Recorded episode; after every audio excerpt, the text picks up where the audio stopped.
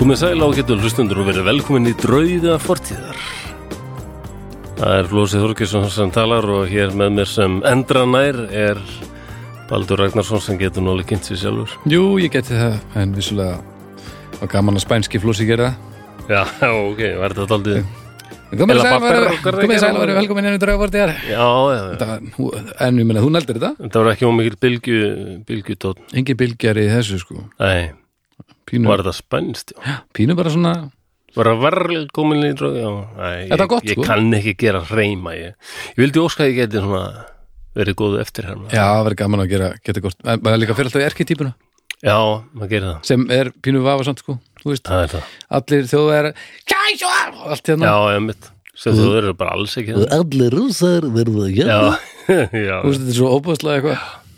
Ég er bara fuck í Og já, hana, ég væri alltaf, hérna. Já, nákvæmlega já. Þetta- En Þetta þetta er nú eitthvað til í þessum erketypum samt. En hvernig leika útlendingar íslendinga? Mústu hvað eru við? Eitthvað svona upp, upp, Heru, Ég var nú giftur Amerikana og Já. ég var ofta að byggja hann að reyna að gera það og hún, hún Hún bara henni skildi, fannst það ekki skildi við þig hún bara gata ekki, það er, ekki, það er erfitt að herma eftir þessum hreim Það það pínur svona, þetta er bara svona eins og norðmenn held ég Bara svona, á, nema við erum ekki með hann upp, sem Ari Eldjóð talar um Nei Ég er eitthvað maður færeskan uppistandara gera grínu ystetingum Já, og þá hljómaði það þannig sko eins og við værum ósálega svona já, tala, tala, svona einhvern veginn og, og hann gerði grína okkur þannig að við værum alltaf að tala um Ísland sem við erum um, Já, við erum nú með besta and Icelanders they like to talk about Iceland because they are all from Iceland and, and Iceland is very big and wonderful Þetta er hár rétt líka most beautiful nature in Iceland Áðum minna fallegasta hérna, Já. fallegasta lambakjötið og, og já, já, það fannst mér ágætt en ég bara fatt ekki, það var eins og hann var að hann hermdi eftir okkur alveg eins og við myndum herma eftir norðmönnum já, já, næs Já, já, en það er heyrir hann ekki samt að norðmenn jú, norðmenn er ég Ég er held náttúrulega að ekki við þess séum að taka meira- norðmenn alvar ég eiginlega eins sko er ekki, já, já, já en svo alltaf maður herma eftir finnum sko, og, og dýfka maður alltaf röddina Já, svo maður fara að hljóma eins og finn verða ljó Já, það það er svona og allt endar á í og kærasta mín heitir ekki lengur Milla heldur Milla Milo Milla, Milo Já, ég er að Mjöl. fara í heimsó til mjöl, Mjöl. maður talar hægt og djúr Já. tímur, já. Milan En svo þegar maður fer að helviti dönum, á Þú gott að verðum Milan já. bakkariði sig ekki finnst Já, mjöl, Milan mjölkökur, mjölbrauð. Milabakur Milabröð Milabröði Já, já. Já, Ó, guð, það er er aldrei ég komið núna mér til að hlæja svona, ég bara fæ ég. Ég skal vera, ég skal gera mitt besta Nú hljómar þú bara vel Hjálp! Hvað? Þú gerir þig greið fyrir því að Úlfur, Úlfur effektin er í fullu gangi þegar þú segir loksins hjálp og þarft á hjálp að halda ég á þetta að setja Já. skellir hlæja Jú, jú, það er meira, svo sem, allir sé ekki eðilegja svo sem til verður lungun í mér með þessu veipi. ég held þú sért allavega ekki að- að styrkja og bæta ef þú ert að pæli því sko Æ, ég fekk ykkur hálsbólgum daginn og ég hef verið háls svona lélugur síðan. já, Kannski er þetta bronkítis.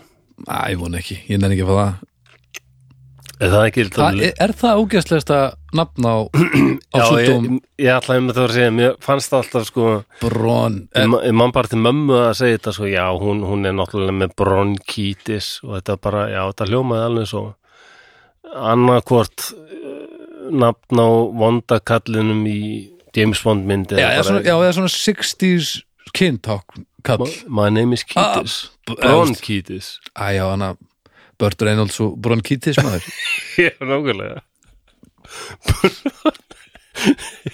En eins og það er bronkítis og, og að þegar maður heyrir bronkítis þetta er svona guttlið sem maður heyrir í Já, lúku var það ekki, þetta er það Þetta er eitthvað sem þið- bronkítis Dómstegi getur nú bara tekið fyrir sjúkdómar sem hljóma eins og þeir sem heita það sem Eru, er einhvern veginn. heita það sem, eins og það er Já. hljóma Er- Er einhver annar?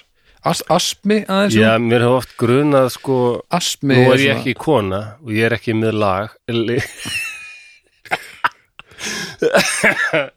Leg á ég að vera með einni, á ég að Ég er svona til stimplin að læja þessu á ég að stimplin einni tó Ég vil eitthvað að læja þegar ég mismæli mig en núna varstu mjög alvarleg ég bara hef ágjur ég bara, það er bara eins og að það sé alltaf að gefa gefa sig, Ég er ekki kona, ég er ekki með lag nei, út ekki nei, nei. Nei, ég ég er ekki kona, ég er ekki með Leg. leg Nei, En, en alltaf því ég heyri orðið leg, slímu, flakk já, þá bara sé ég fyrir mér eitthvað ræðilegt sem bara getur ekki verið annað en viðbjóðslega sásökafullt og ógeðslegt. já, bara hljóman eins og náttúruhanfarir þú Já, veist, bara, akkurat. bara, þú veist, rýma þurfti Já, já, háskursjörð út að hættu á legslímuflaki já, þetta er taldið þannig sko. já, og næstu því svona blanda á náttúruanförum og glæpum sko. Lokkuð þau borið á legslímu flakki Já, já, já, nákvæmlega já, legslímu til lauruglunar kölluð út já þeir beðum að læsa öllum sumabústum til legslímuflakið já, Já, þetta var að uh, þetta er, pí- þetta er svona já, bronkitis, legslímu Já, ma þegar maður heyrir þessi orð þá er það svona eins og þegar maður er ennþá að reyna að finna hárið sem er á Já. upp í manni og maður finnur það ekki Já, sem Það er er- sennilega já. lágpuntur æfi hvers einasta einstaklings Mm. það er ömulegt sko. annars sko, en það er líka mjög ótt að fá hár í auga sem er erfitt að finna hár í auga já, já, já, já, já, eða eitthvað í auga sem það er pyrrandi og í, Já. nú ert þú náttúrulega rétt tæplega þúsund ára þannig að þú er náttúrulega lendið í sam og ég mér sér lendið í nú, þegar að mamma slikta manni augað til þess að ná úr því nei, þegar maður fekk sandi í augað eitthvað þá var það bara, bara leppjað úr nei það er ekki en það er ekki heilnæmt Nei, já, bara ekki lægi Ég er náttúrulega bara en Eh, þetta er eitthvað rosalega frumstætt, Þetta þetta er bara já, eitthvað eins og, alveg, eins og kísur gera já, já, og svo bara tala, þú veist, ég man ekki hvernig umræðan var Þetta er eitthvað, eða, þú veist, reynsa og eitthvað Já. Það getur bara ekki verið að að munnurinn á einhverjum reynsi já, þú ert ennþá með sjón Já, en ég meina, en sálin er, býður svolítið hún er alltaf bara já. Já. dældið fyrir lífstíð, sko með mamma sleikt á mér augað wow, maður. Mamma sleikti á mér augað Æ, æ, æ, æ, æ. Já En, annars res, svona já, við já, þetta ég er alveg augljósa galla já, já, Já, það er gott uh, Verður kannski að minnast það þessu ljóðkirkjuna uh, Þessi nýju þættir er að leggjast vel í landan uh, Alveg dagsatt á sundum og listamenn á löðum mhm Þannig að ef þið hafið nú ekki tekka á þeim þáttum nú þegar þá skulið þið endilega gera það og svo er alls konar eh, gúmelaði þarna á virkudugunum fyrir utan drauga fortíðar, það Já. er kokkaflakki ef þið hafið áhuga á mat og matarmenningu það er domstagur ef þið viljið heyra fólk bara það vaðra um allt og ekkert og, og heyra mis, mjög mismunandi fólk tala um nálgun sín á lífið eru þau eiginlega alltaf fjögur núna eða? Já, við reynum að vera fjögur núna Já. eftir að Birna uh, er aftur komin í, í bæinn. já, Það er skemmtilega, sko. já, ok Uh, svo er það snæpjartal við fólk á, á fimmtudöfum. mhm, Það var uh, uh, engin smá þáttur til dæmis þar síðast. Þegar við erum að taka þetta upp þá veit ég ekki hvað var síðast. Um, en Gíslimartin var hjá honum snæpjarni Mm. þar síðast. Það var lengsti þátturinn hingað til. Fjórir og hálfu tími. nei, sló hann mér við Já Það var einhver annar búin að gera það Já, einu sinni held ég Alla, Jaha, fjór, ok. fjórir og hálfu tími Já, já, ég, Ég er ekki ennþá búin að hlusta á að spjalla við þig nei, Er eitthvað í þessu það? já, sonum minn sagðist að hlusta á, það, hann sagði það var bara margt sem ég vissi ekki um þig. Já, þetta er eins og þegar ég fór í jarðaförunni á Ava Já, Ég hef ekki hugmyndum bara, Já. bara, bara Hann tók þátt í því að að stopna eitt af hérna, fyrstu áhuga leikfélagunum á Íslandi og hann var offset uh, prentmeistari og já, svona, já, sem ég vissi sko en það var aðalega svona einhverju leikaratengingar og hitt og þetta sem ég hef ekki hugmyndum sko. já, að því að þegar ég fæðist þá var hann alltaf bara orðinn gamall og bitur sko jú, nei, það skiptir engum máli hvað þú varst í mörgum áhugaleg fölum þegar biturinn tekur nei, völd þá, biturðin, sko, já, rétt. eins og þú þekkir já mm, biturð og grjót, ekkert nema biturð og grjót, upp í mót, já, já, já, já, já, já, já, En já, Turðarkötturinn, hann eh, er Ég þarf að renna í þinn þátt, það er alveg á hreinu Talar Já, ekki um mig, það var, varstu hvað eh, drullið það mig? var rosalega magnað dæmi, bara við sátum þetta mótið ykkur öðrum ég og Bibi og bara það leiði eins og bara 40 mínútur í mesta lagi Sæður eitthvað um mig, drullar yfir mig eða eitthvað leis? Nei, ég man ekkit, ég er ekki búin að hlusta á þetta sjálfur ég, Nei, ok, ég, ég þarf að tekka á þessu og- allir með kompleksa og ég er svo erfitt með að hlusta á sjálfa mig Já, ok, ég skal bara renna þessu og ég skal gefa, gefa þér nótur ég var bara erfitt með að hlusta á okkur sko. Já, já, ég hef aldrei verið með kompleksa út á röddinu sem mér finnst eitthvað róþeld að heyra röddinu sjálfsög það er út nú líka með helviti fínar rödd Já, hún sleppur alveg en hérna ég, og í rauninu er þ- ég veit það ekki það er... Nei, nei, ég hlusta á okkur um daginn og ég hló bara á okkur sko. Já, vandræðalegt Já, þetta er aldrei vandræðilegt, ég veit ekki hérna En eins og ég hef nú minnst á áður þá þegar við erum takað upp og ég er svo upptekinn af að segja eitthvað frá okkur hlutum og þú úrst alltaf að bauna úr þér einhverjum bröndurum sem ég bara teki ekki eftir Já, og hlæja að því seinna. Mér stað best þegar þú- þegar það rekist þér ekki Nei, það er svo að gleðum Það er aldrei vandræðilegt sko. og náttúrulega stórkostlegt Ég fer að skella hlæja sko þegar ég hlusta á það eftir á Já, það er gott, eða eitthvað inni Þannig að Ég er sættur um að ég hljómið bara svo í svo svolítið húmaslega og leðilegur. Nei, þú Ég held hljómar ég bara- hafi talað um þessa kompleksa aður. Já, já, þú hefur gert það, en ég meina, þú ljóma bara eins og þú sért ægilega gamall en, en Já. já, og- já, það kom eitt kommentu daginn Ég er svo kompleks aður, ég þarf eiginlega bara að kaupa mér komplex í gler. Holy Æ, moly guð minn. Herru, ég fekk hérna, eina spurning um daginn og ég það er kannski bara ágætt að ég bara minnist á það hérna það var einhver Já. sem að hlustaði á einhvern af aukaþáttunum þegar ég var með mál og eins og svo ofta áður þá var ég búin að undirbúa kvöldi áður og mætti alveg með þetta ferst og bara buna þessu út um mér Já, var það þarna Man- Gregor MacGregor? Já, hvort það var Já, gre já. grega, maður grega Já. Ég man ekki allavega Hljómar svo og ég var óþægilegt. spurður hérna, eh, er Flósi svona þunglindur eða er hann svona, hefur hann ekki áhuga á því sem hann að segja Já, emmitt. og, og ég þurfti að hreinsa upp við viðkomandi sem þetta og ég fattaði eftir á, kannski hljómar að stundum að þegar þú ert náttúrulega að vera þunglindur og þá kemur dæs og eitthvað en þ- það væpið okkar á milli í stúdíóinu þá er Flósi alls ekki áhugaðlaus hann er alveg með Já. mér alla leið og svo býður út betri í því en ég að býða með spurningana þangur til að ég hætti til dæmis að tala Já, já. Þannig að það, nei, það er sem sagt alls ekki í raunin áhugaleysi eða hann sé ekki að fylgjast með, heldur bara kann hann sig og er þunglindur. Já, minnst bara gaman að hlusta, sko. Já, þannig að ég, ég vildi bara hreinsa það upp ef Já. aðrir eru að hugsa þetta að núti. Nei, nei, ég hef haft mjög gaman að þessum auka þáttum ynga til. Já. Og sérstaklega þessum þarna með Gregor Já, því líka Jesus. dólgur maður. og þessi mynd sem hún byr- birtir af hennum þarna. Óþólandi. Já, ég hugsaði bara, já, já, það er alveg Málarinn hefur alveg séð það langa leiðir Þetta er fáviti Maður sér þetta málverk Já. og hann er svona óþólandi framan áður en þú veist Já. nokkuð hvað hann gerði. Svona hálf svona Óþolandi. sorgmætis Sorgmætur og yfirlætis Svona yfirlættis álkulegur. Já, akkurat Óþólandi.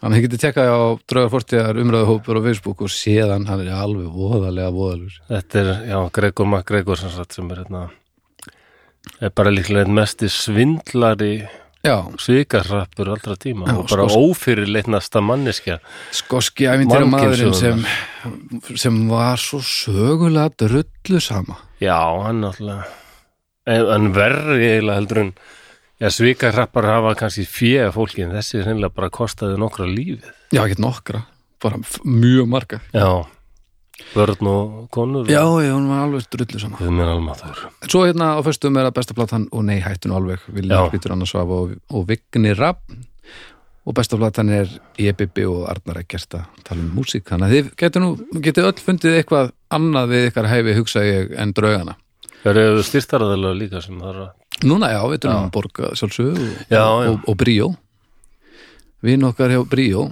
sem hafa verið búin að vera með okkur núna í Ég er fleiri alveg í mánuði, skíó með borg og bríó Þeir styrki okkur voða vel sko. Þú Þetta hefur er- ekkert fyrir þessu Það þarf ekki að koma með eitthvað svona lag ég. Jú, við verum, mér heyrist það Og ég er svona að reyna að gera það Ég er að vona að unga fólki takit upp sko að segja ég er alveg í skíó með þetta Sko er ég í skíónum sko Í mér heyrist þú vita og þekka leiðina hjarta un- ungs Eða ekki? fólks bara mjög vel Já. Já, mér langar að vera trendsetter sko. ég meina, basically að vera trendsettir er að setja ó fyrir aftan orð Eða ekki? Jú, jú, ég meina, það er bara þannig Já, ég meina hún hérna hvað heitir hún leikona sem er svo fyndin? uh, sem er fyndin, Já, hún leik með þér leik með mér Já, hún er þetta Bára Örvarsdóttir Nei, hérna, ég er svo lélega með nöfnar ekki eðlilegt Ok, uh, Hún söng hérna Kúst og Fæjó já, hún hérna Ólafjörn, Já, mitt Já, Bára Lolla. Örvars Lolo, fyrir ekki þau Ólafía Hrönn Já. Já, Stórkosli manneskja Kúst og Fæjó Já, Það er, það Ha. er Fæjó það- já, trendið Ég er í skýjum með Kúst og Fæjó Það takk upp draugum með flósa og maður ah, ah, já. Særa fram Draugum draug og fortíðar Þetta er eins og hérna, ítalinn í tinnabókunum hann. mm. Það var bara allt hérna, enda alltaf á. Já, já, svo séu En mýjó, bíló, bíló, Já, stimpló eða ventló. já, já, já, þetta er eins og Og finnar, þeir enda alltaf í Er það? Ég er alltaf kallað Baldúri Ekki- Er það? Er Baldur. ekki hérna ænen? Hérna, Ænin, jú, það er lænin Baldurænen. Við- eh, það- Lænin, Baldulænen. Ef Baldurlænin, þá ertu frá Baldlandi Þú veist, þá ertu Baldverji Er Lænin það- er sem sagt, uh, þú ert þá þaðan Já, Íslandi, Íslandi Ísland- Ísland- Íslandelænin eða eitthvað er Íslandi, þá já. Íslendingur sko Já, já. Ef þú ætlar að búið til finnst orð þá getur þú bara sagt eitthvað Múkilænin og það í vestafalli er það einhver sem er frá Múki Já, þú er búin að leika þennan leik við finna. Ú, Mjög mikið, Já, já. stórkostluleikur Og reyndu þeir að gera eitthvað á íslensku, það er náttúrulega bara Já, var, ur. þar kom hérna þar kom upp á sorðið mitt ég talaði um þetta held ég einum að fyrstu þátturum var það ekki Gribbusmúlun Alveg rétt. þarna, að að sprauta á gömlu konuna sem vil Já. ekki fara á garðinu Grippusmúl. Gribbusmúlun er upp á mitt í íslensku Ja, það er svona orðið í finnsku. Nei, það er íslenskt orð Já, já. Þeir Ok. sögðu, hvað þýðir sem sagt, what does grippusmúlun mín? Já, þeir sögðu það. Já, við vorum alltaf að giska á orðið í hinu tungumálinu og svo átti já, já. við að útskýra fyrir þeim hvað það þýtti, sko. Bjugguðu þá bara til eitthvað sem þeir fast Hljóma eins og íslenska. grippusmúlu. Grippusmúlun hljómaði bara eins og já, já. íslenska. Það er klálega. Já, já. Maður getur fundið eitthvað, já, já. Já, já, en já, Borg og, Já. og Bríó, eh, hérna Bríó áfengislausi, við erum nú búin að vera að tala um hann hérna einhvern tíðina og, og fólki sem er að hlusta á okkur að núti hefur nú aldrei stikist ástfóstri við, við þær vegar og það er bara Mhm. reglulega dettin myndir af fólki sem að er búið að kaupa sér uh, ófengan bríó og sest niður til þess að hlusta á draugana annarkvort á Instagram eða umræðu opnum það Mhm. okkur þykir gríðalega væntum það þegar uh, bæði þá bara höfum við trú á, á því sem við erum að, að tala um hérna af því að þetta er stórkostlega vara Já, hún er það. og, og á sama tíma þá finnur Borg og, og, og Bríó liði fyrir því að, að það er hagur í því að, að vera með okkur í þessu þannig að það er nákvæmlega svona sem allir vinna Já. þannig að við viljum takk ykkur fyrir að, að gera það og takk fyrst og fremst Bríó og Borg fyrir að, að hjálpa okkur með þetta En þú stundum talað um þetta að gefa stjörnur, en færist þátturum þá upp á einhverjum listum. eða? Já, svona, svona topplisti á, á hérna, Spotify og það er enda ekkert stjörnukjörn á Spotify en eins og hjá Apple Podcasts Nei. Þar getur þú gefið þetta með stjörnur og, og hérna og þetta hendist eitthvað upp og niður og verður sínilegra og svona Það er ágætt. Það er, já. og maður horfir á þessar stjörnur og, og hvert hlutfallið er og svona já. þannig að það er frábært ef, ef fólk gerir það líka Það getur örugglega hjálpað fólki sem er að spá í hvort þetta sé þess virða styrkja, sko. að Það sér hérna. já, algjörlega, já, þetta er bara Fimm stjörnur, þetta lítur að vera eitthvað. þetta, þetta verður tekið alvarlega ef þetta hérna, Já. eru margir sem lýsi yfir ánægju þá eru hlutinni tek, teknir alvarlega en nú bara ekki flókið það Nei, endilega búið til stjörnur já, eða gefið stjörnur, eða hvernig þess að verka ég kann þetta ekki nei, nei, ég heyrið það sko nei, þetta er, nei. það er aðrir í þessu, þetta er allt í lagi en hérna, já ég, eh, það verður nú alltaf að vera svona einhver mannkinsaga í þessum þáttum mm, það við hljótum að síðasti þáttu var meira svona mannlegar hörmungar þannig já, að núna bara kannski farið í sögulegar hörmungar Nú, já, það lýst mér vel á aðeins það eru, Saga mannsins já, þetta er eitthvað sem mér fundist þurf, þurfa að segja fólki frá alveg Ok, þetta er nefnilega taldið merkilegt sko. ég er til í Já, ok. ekki angela merkilegt samt, nei Hei einu svona var svo kalt í Þýskalandi Helmut Kohl Æ, þessi stólin reyndar ég er bara sagt það strax hann er stólin frá Hauki Braga sinni Já, uh, ég er Gúrdur, mjög reyður yfir að hann fattaði upp á þessu undan mér Gúrdur Já, hann er helviti, fattarinn í honum er helviti já, snöggur. sko. já, hann er merkilt nokka, hann var með húmor ég Já, hef já. nú aldrei trúið því ég var að fylgjast með hann hérna á internetinu í gamla daga Nei, hann var náttúrulega, gerði bara út á að vera á tímbili að vera náttúrulega bara pláa á internetinu. hann var rosalur. já, já, Og það er svo pyrrandi þegar einhver gerir það sem er svona klár, sko. Af því að, já, af því að það er svo erfitt að eiga við það. já, já Pældi ef lúpínan væri bara með 130 grindarstölu eða eitthvað. Já. Heldur það væri já. fucking pyrrandi maður. eða nokkra lögfræðinga, lúpínu lögfræðinga bara til að lobbyja fyrir sig Nákvæmlega.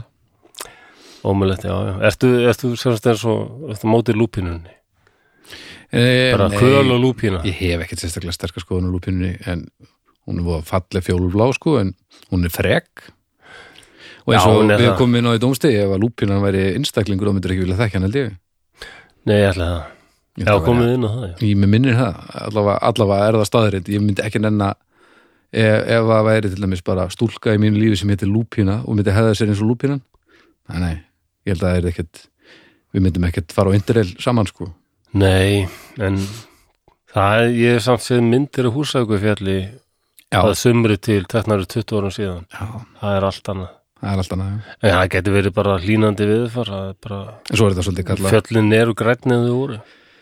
Já, s- svolítið kallað fjólblá fjallið, sko. Já, já, reyndar. Það er bara svona í byrjun sumar, svo, Já, þannig að það getur vel verið um að sé að gera eitthvað hjákvætt, sko, en svo er mér fyndið að hérna, ég fæ svona hugmyndir að og ég er sem fullt af lögum. En mér finnst ekki Já. gaman að sem ég texta eins og ég kom með nú.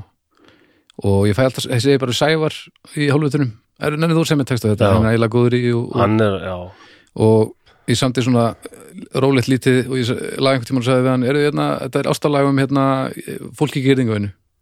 fólk í gyrðingavinu. Já, og hann bara gerði það frábælega, stórkostlega, fór úr blötu. Já, já, svo gerði ég annar lag og sendur, eh, sagði hann einna þetta er svona ástalag hérna, þetta er fólk sem er að, að sá lúpínu já, ok. hann gerði það, hann fór, náði ekki að plötu samt en það er til sko Fínt lag. Já, þetta, þetta, mér, vist þetta, mjög er þetta að gera texta, sko, það er eitthvað. já, það er bara því að þá er maður að setja sig í þær stellingar að maður hafi eitthvað að segja já.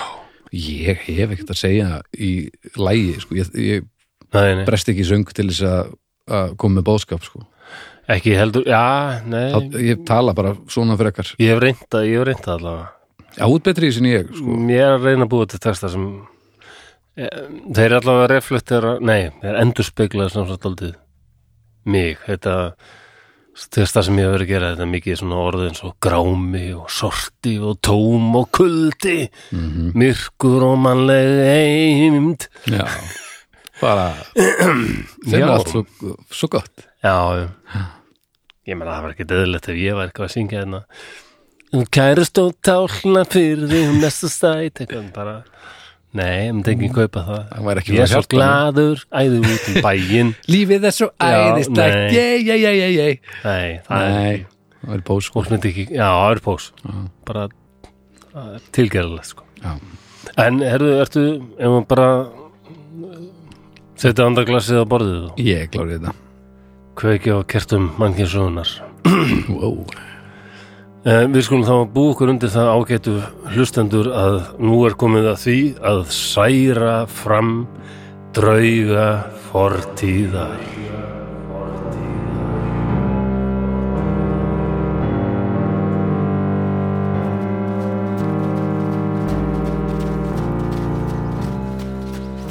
Það er stundum sagt að landið og náttúran móti fólkið sem þar býr.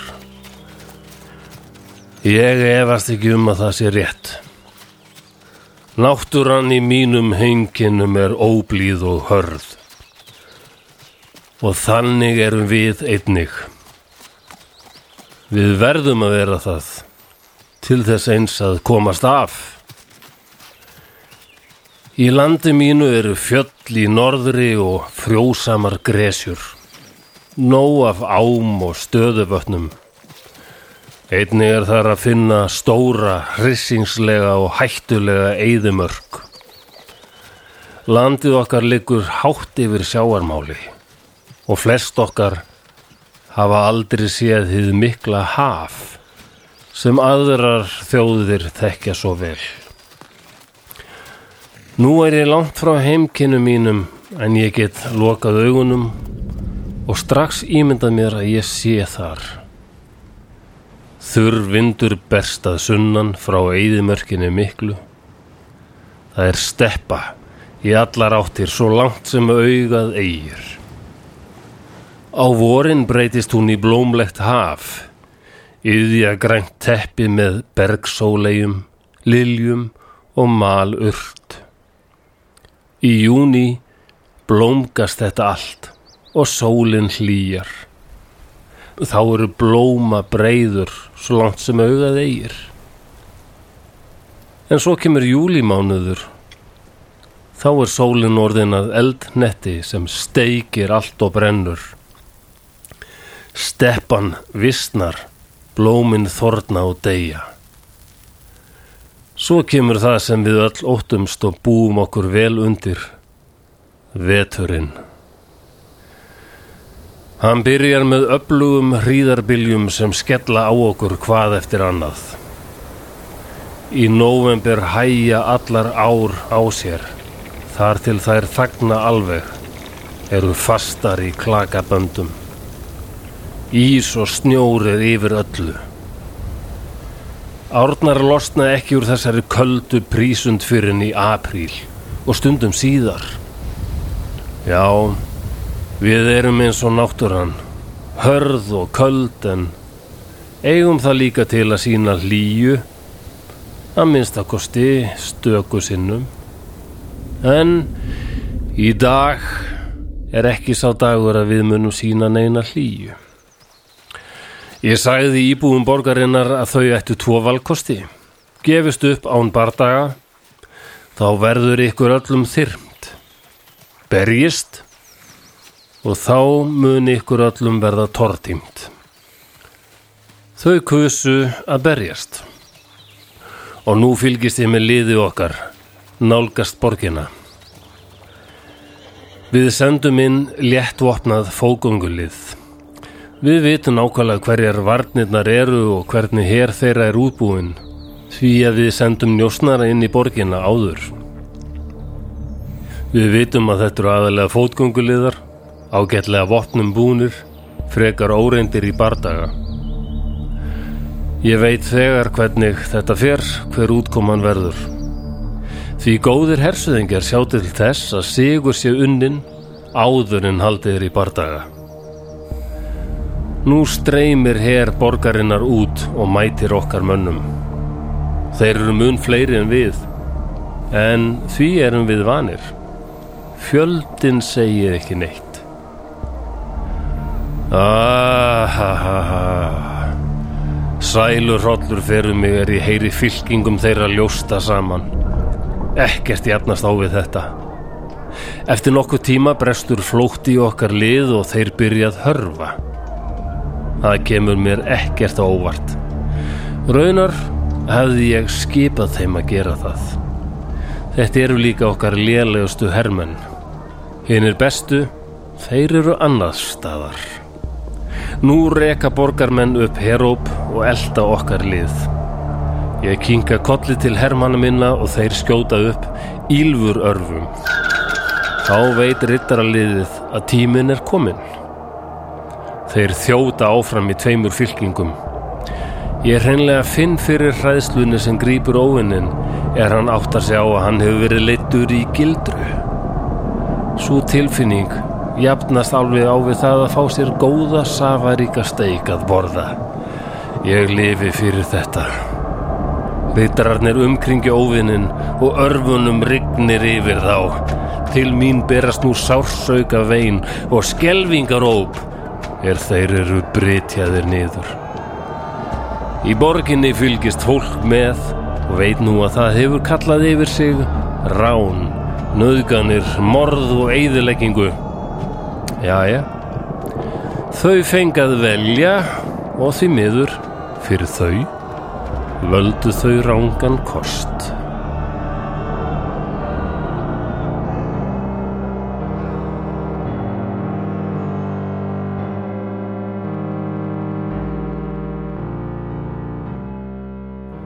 Þá er lestir í lokið, flósið komin tilbaka og særingum er lokið. Er ég alltaf baldur að taka fyrir bara stríð og hrylling og skelvingar? Og... sem bara frábært Það er svo mikið í mannkynnsugun. já, bara svo áhugavert Já, og þetta fyrirbæri sem ég er að taka núna þetta er þáldið stórt dæmi í mannkynsugunni og það vill svo til að ef maður les mannkynsugunna þá það hefur þáldið verið um sverðaglamur og fallbyssureik og, og svona blóð og svona. smá, Þetta ég, ég held ég hef sagt áður sem þáttum, ég held að geimverur séu lungu búin að finna okkur, já, það séu bara skítrættar já, já þetta er ekki bara eh, við- ef við lendum þarna og fyrir að kenna þessu liði eh, ljósára ferðalag og, og warp travel eða hvað sem þetta heitir allt já, þú veist, þá bara, eh, þetta lið bara leggur undir sér allan geimin ef geimurinn væri hundaatkvarf þá eru við þarna trillti hundurinn sem, sem reynir að bítalla og, og deyr úr elli í búrinu einn út í horni já, ég held hann bara, ég held að bara all, öll þau 538.000 kynstofnar eða race eða þættir eða hvað sem við kalla sem til eru í geimnum Mm. allir við þetta verðarbúum að bara láta þetta helvíti Já. sliði friði sko. já, já Svo önnur kenning sem ég verið með er að jörðin sé sko geðvegræli. Við höldum að við séum fætt hérna og eigum, já, eigum einhverja ættingi og svona en í raun erum við öll ólíkar gemverur. smá matrix nema bara, Já, nema bara geimsla já, þetta er, við erum bara svona intergalactic asylum, já, já, luna, lunacy. já, ég skil Já, já, bara geðvegræli. já, það er alveg pæling Já, stundum líður manni bara þegar maður fylgist með hinsvettum bara, já, hvaða geðvegræli er þetta? ég, við erum ekkert góð í hópum sko hópastarf Nei, makinsins hópastarfmökkir. það er ekkert spes Nei, En já, hvað vonandi sé- lærum við eitthvað En Né. veistu, hver var að tala? En við erum allavega í Hollandi, svo mikið veit ég. uh, nei, ég er nú ekki Nei, með þetta land er alveg lámark þúsund mendra yfir sjámáli þetta er hátt uppi Ok, Steppa, ha, ste, steppa rittarlið, já, mikil og stóð eðumörk á einu stað já, fæstir ef að séð hafið já, er þetta eitthvað að kveikja á þessu Þetta er mjög frægur maður sem er að ok. vera með ímynd okkur hérna. þarna Nei, ég get nú ekki um, rifið hann upp svona. Nei, við erum á í- nú, alveg svo sæðislið þáttur og kontrapunktur Já, að við erum svo stödd í byrjun 13. aldar já, og þessi maður sem ég var að ímynda mér að væri að hugsa mm. uh, hann hét Temujin Temujin. Já. en hann er þekktari undir öðru nafni hann er þekktur sem Genghis Khan Þú ert að fara í gengi sinni núna. Þetta er Gengi Gengisinn maður Ég var að tala með þetta í gerð, þetta er bara gengis ekki lengur. Það er að- að- að væri bara Gengisfellin Khan ekki- Það væri bara búið að vera. Já, það er búið, þetta er þetta er bara gengis ekki lengur, það væri búið að gengisfella þess að þetta. Já. Það væri bara ekkert búið að vera að fjalla um kann. Já, já Kann, kann. Þú sagðir held ég líka að hann bara hann kann sig Hann kann sig. en já, þetta er mjög merkilegu náungi Já, graður. já, valdagráður, hann har klálega verið það Já, og graður. Akkur heldur það? bara því að hann, Átti nokkra konur? nei bara því að það er hægt að bara pinpointa bara megni á mannkynnu til Já, hans það er, það er enda rétt Í Asíu einni er allavega talið að séu, ég veit ekki hvað, hvaða voru margar miljónir sko Nei. margar miljónir sem eru bara komnar af honum Já. hann átti margar konur Já. og þær eignuðist mörg börn og Mhm. En, en sem sagt mongólska heimsveldi, þetta er Já. eitthvað sem ég hef lengi langað að taka fyrir og segja fólki frá. Því ég held Mhm. að flesti þekki þetta orð Genghis Khan. Já, ég held að allir þekki nafnið sko Já, en enn þann dag í dag held ég að við séum daldið lituð af hvernig Evrópumenn sáu Mongóla. Já, og ég meina lang flestar myndir og þetta sem maður sér þá er alltaf verið að planta einhverjum sem við tengjum við inn í ástand sem að við skiljum ekki og Já. þannig að vera að reyna að mata þetta onni okkur sko Þeim er alltaf líst sem ósvalega hálgerum svona villumönnum. Sko. Já, það tala, já þetta átti bara að vera svona barbara Já.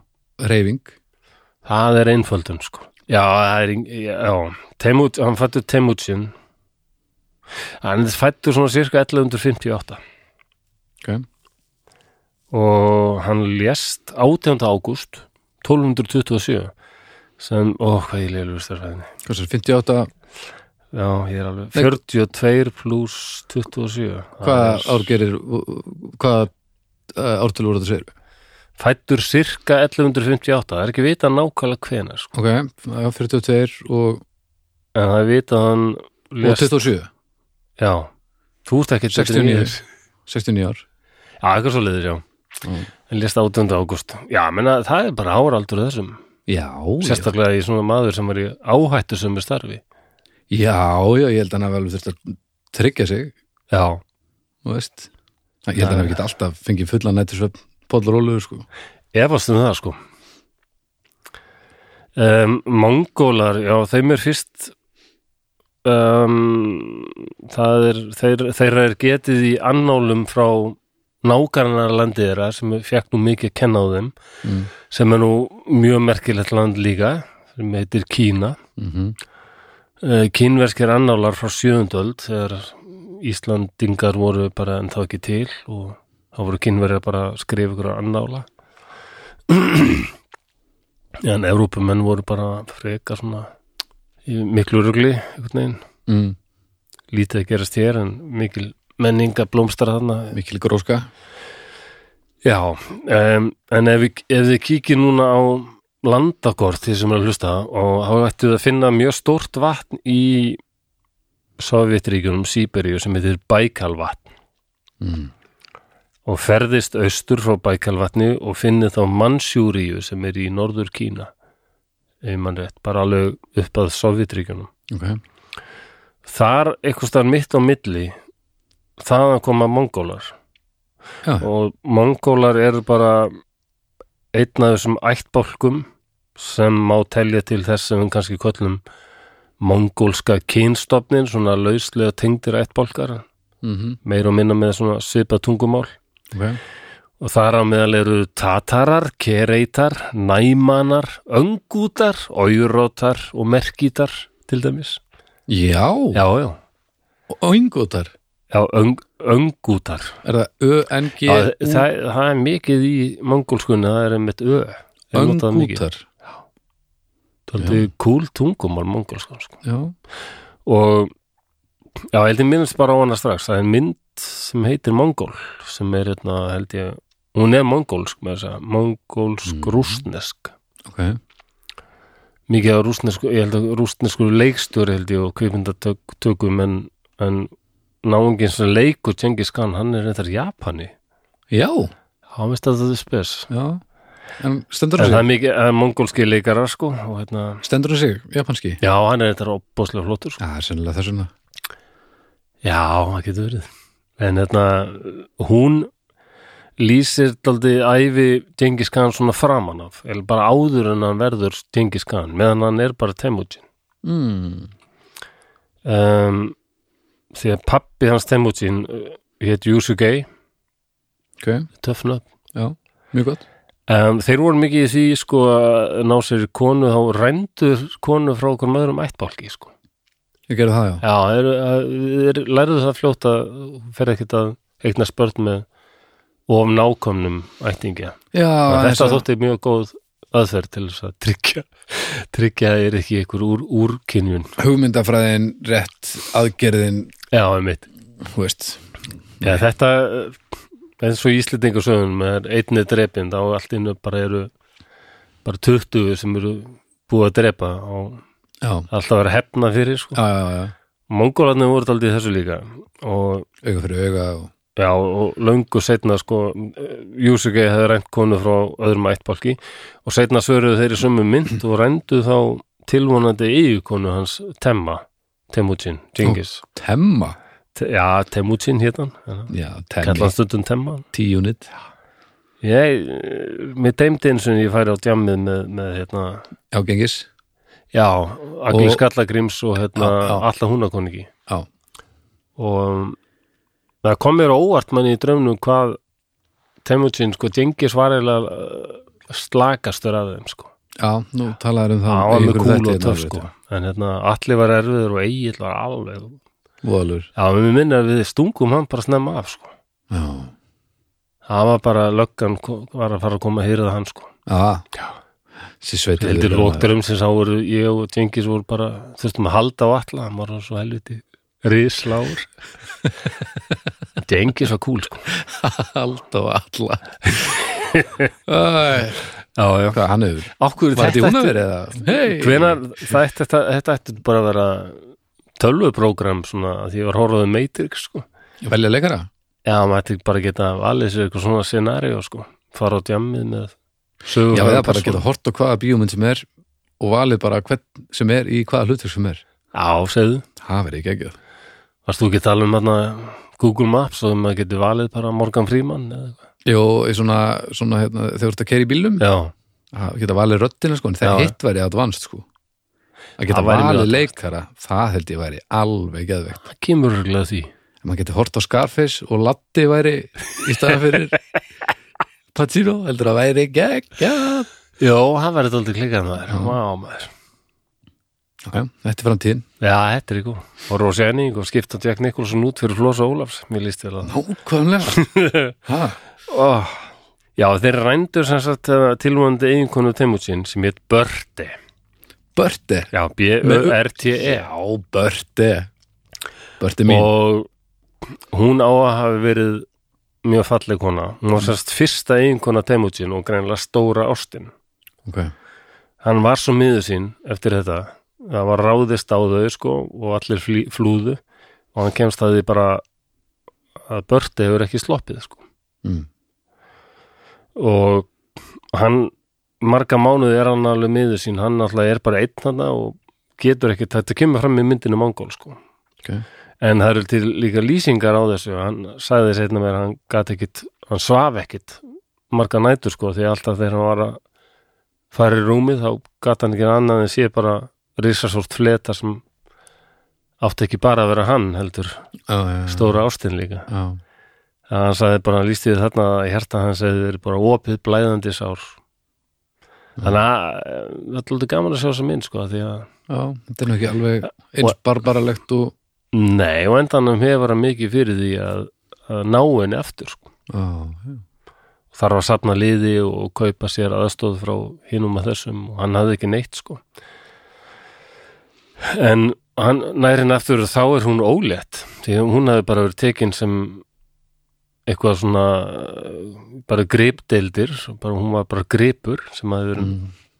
þýfi Já. og hún var bara gefin einhverjum kalli já, bara ambott já þessi kelling og bara, hann ætlaði bara eh, hafa hana sem eina konu þegar hún voru í fjölkvæðinni já, Þannig að henni hafði bara reynilega verið nöðgað, hún var bara ólétt, en þá gerir Temujin það, að hann segir bara, þetta barn sem hún er með, þetta verður bara mitt barn, það er bara hér með ákveð, Mhm. Já. bara, læt bara, og lætur alla vita því, Já.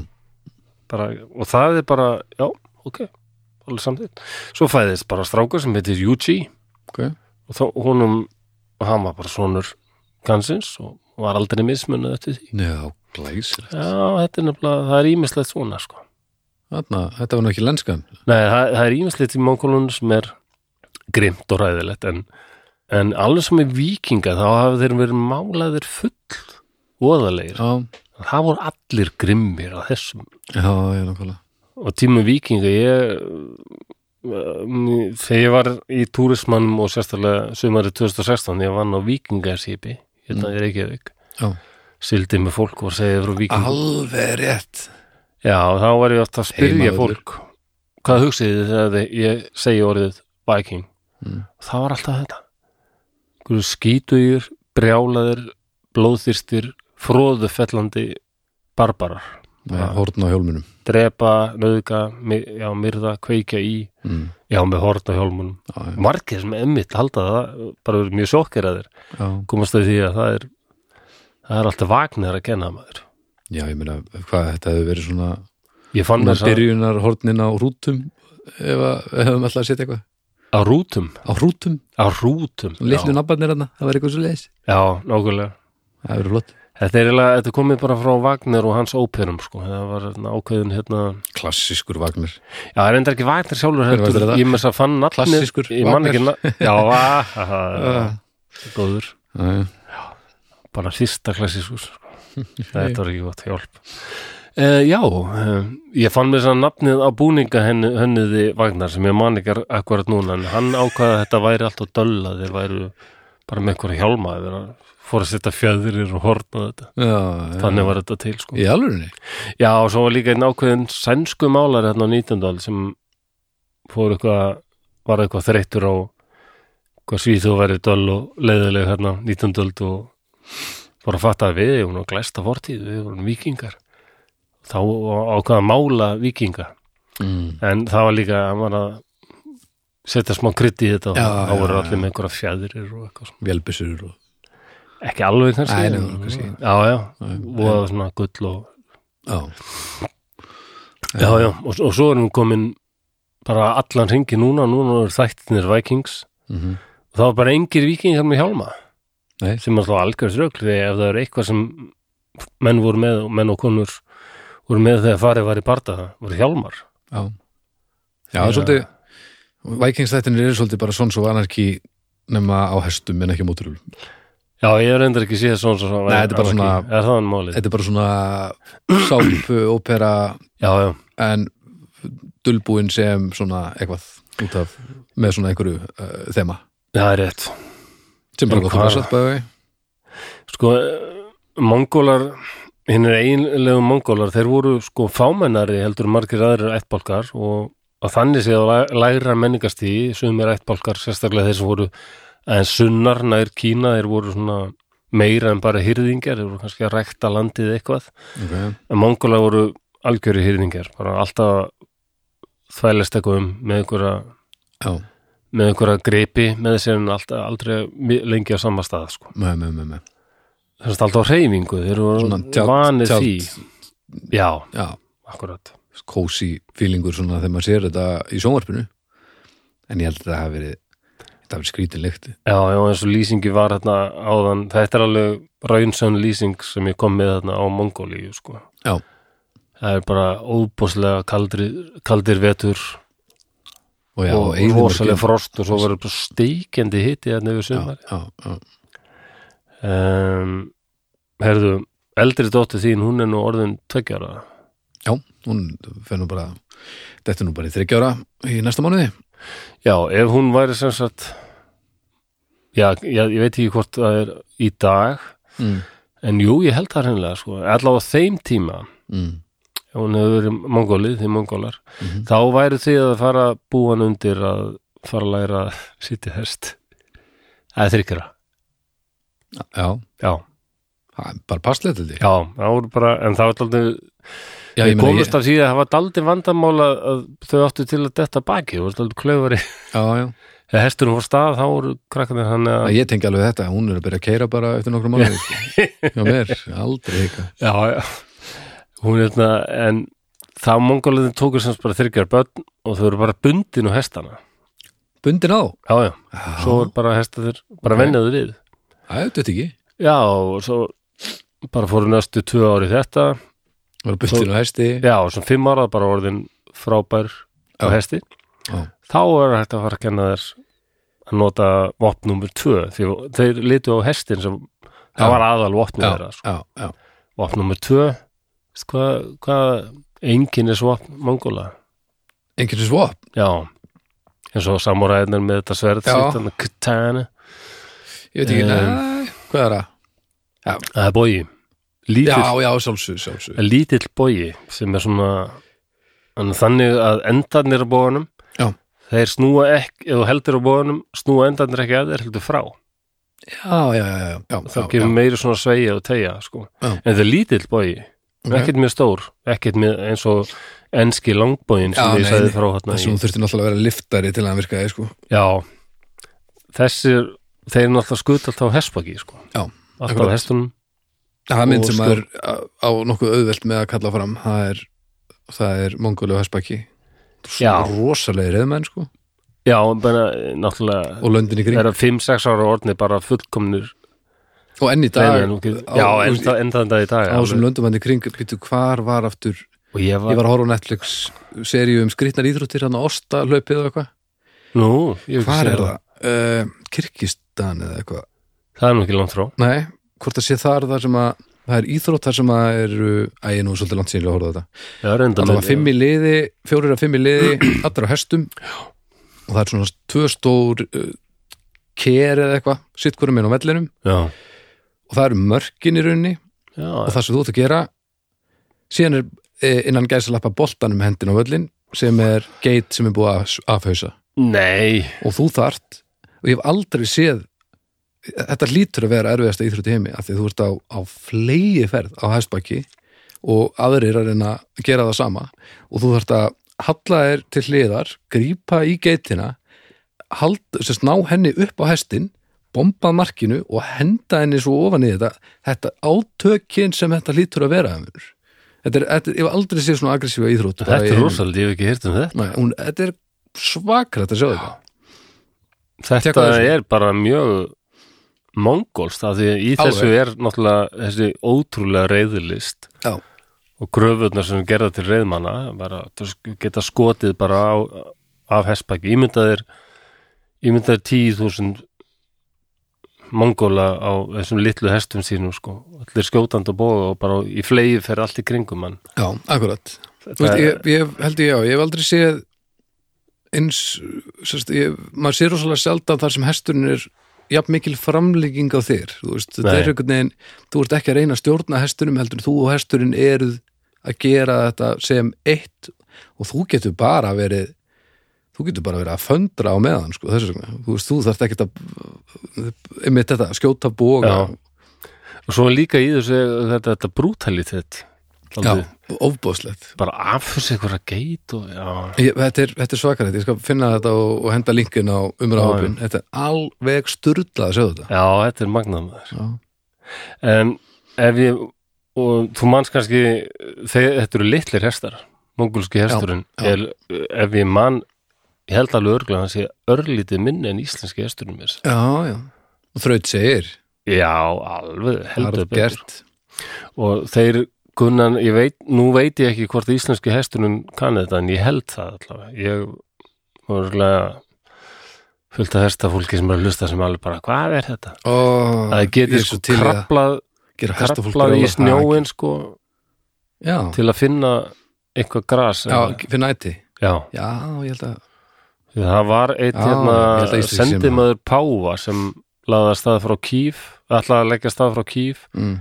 og hann var bara stoppaðar af að það, hvað, hvað þetta hvert þetta fara, hann sagði ég er að fara að hitta þessa mongóla, bara segja þeim að láta Evrópu í friði Pávin skipa svo fyrir Næs, frábær hunna, gott plan já, já, það, það, það var, þetta var mjög mikil vinna sko Pá, Já, já. Páin var mjög upptekinn af því að að þarna, segja mongólum á sínum tíma að, þarna, að, að Guð væri ekki hrifin að þeim Nei, þetta koma að var því setna, það voru mjög full vinna að að koma því til skila til Mongóla og halda jafnvæg Já, með og- hann hatt og það besta var náttúrulega að þeir- mongólandi svöruðu Páinum, það var sem alveg frópar Já, já, já en hann sendi þarna marga sendi menn og, og, Og, þeir, og honum var bara sagt bara, þú ferð ekkit inn í Mongóli eða hérna, austur og bógin þessum hestum, þeir drepast bara að vetralagi mm, Af því að þeir kunnið þetta ekki, næ, það krasa svona sko. eða ofsalega hardger típa þessi mongulski hestur já, og alveg nógu fljótur já, já, já. en eins og kemur fram í þessari mynd mongol þá uh, lífið þarna í þessum, hjá þessum ættbálkum sko þetta einkendist mjög átökum erjum og einmitt svona ránum og einhverjum svona greiðdeildum og já, já, já. allir þessi ættbálk var að herja á hvorn annan og kynverjar náttúrulega vissu að þessum liði, þessu liði en, en höfðu ekkert miklar áhyggjur af, af þeim sko, þrátt fyrir að þeir varu herskára því að þeir voru bara svo tulir að Sætla berjast bara við hvorn annan Já, já. svo kemur þessi maður Mm, Temujin mhm. og jú, jú, hann var fínasti herfóringi en það er reyndar sko sem er halda að hann hafi verið gæðin á bakvið hernaði listinni á mongolum, það var gaur sem hitt Subutai Súbutæ, Já, hvað er í matinn? Það er bara eitthvað súbutæ gat nú verið að þér tækist að sverta þessa glæstu ímyndan Það var nú súputæg ekkert sérstaklega erfitt orða Já, Hverja súputægjur? bara eitthvað súbutæ í matinn og... súputæg Eða súpedei eða súputæg það er svona um daldið diltum Já, ok. En hann var reyndist vera sko alveg bara er talin svona með betri herstjórnar listfræðingum sögunar já, líklega. já. Útsóun saman. Nótkun á rittaraliði. Já. já, þannig að gengis var ekkert Hann var aðalega svo óbóstlegur leiðtögi. já, já, já, ég held Já. að gengis veri hefði verið meira í skipulagi já, Hann var mikill, hann var hörku stríðsmaður. Já. Jú, hann var nefnilega mjög góður sko. skipulagningar kallar. en ekki bara ekki þegar kemur að hernaðinum sem slíkum, Mm, Nei, þá...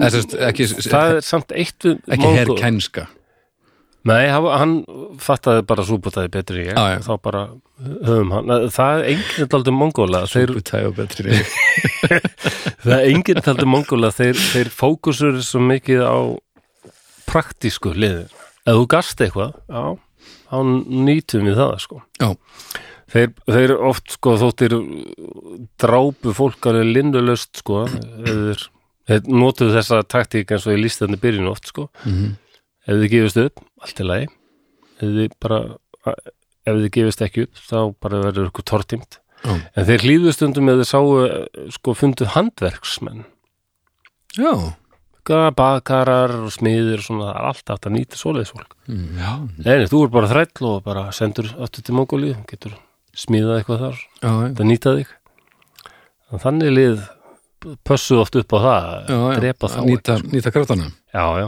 og, og setna meir þá, þá voru þeir ennþá betri í þessu og fóru að nýta sér sko bara ráðamenn að þeir, þeir sá, Já. á endanum var þetta svo óbóðslegt veldi, þeir sáðu að náttúrulega þeir gátt ekkert verið að sjáum allt, hafa mongólska hermerna á allstaðar bara, að nú eru þeir hluta mongólska her, heimsöldinu, þeir borgið skatt en fyrir utan það bara að gera það sem þeir vilji já, Já, meðum við þá halda áfram að trúa þennan guð? Já, já, alveg sama, því ráðu því já og það var nefnilega trúfrelsi og það var með þess að leitt í lög við staðið aldrei gott hjá þeim mm.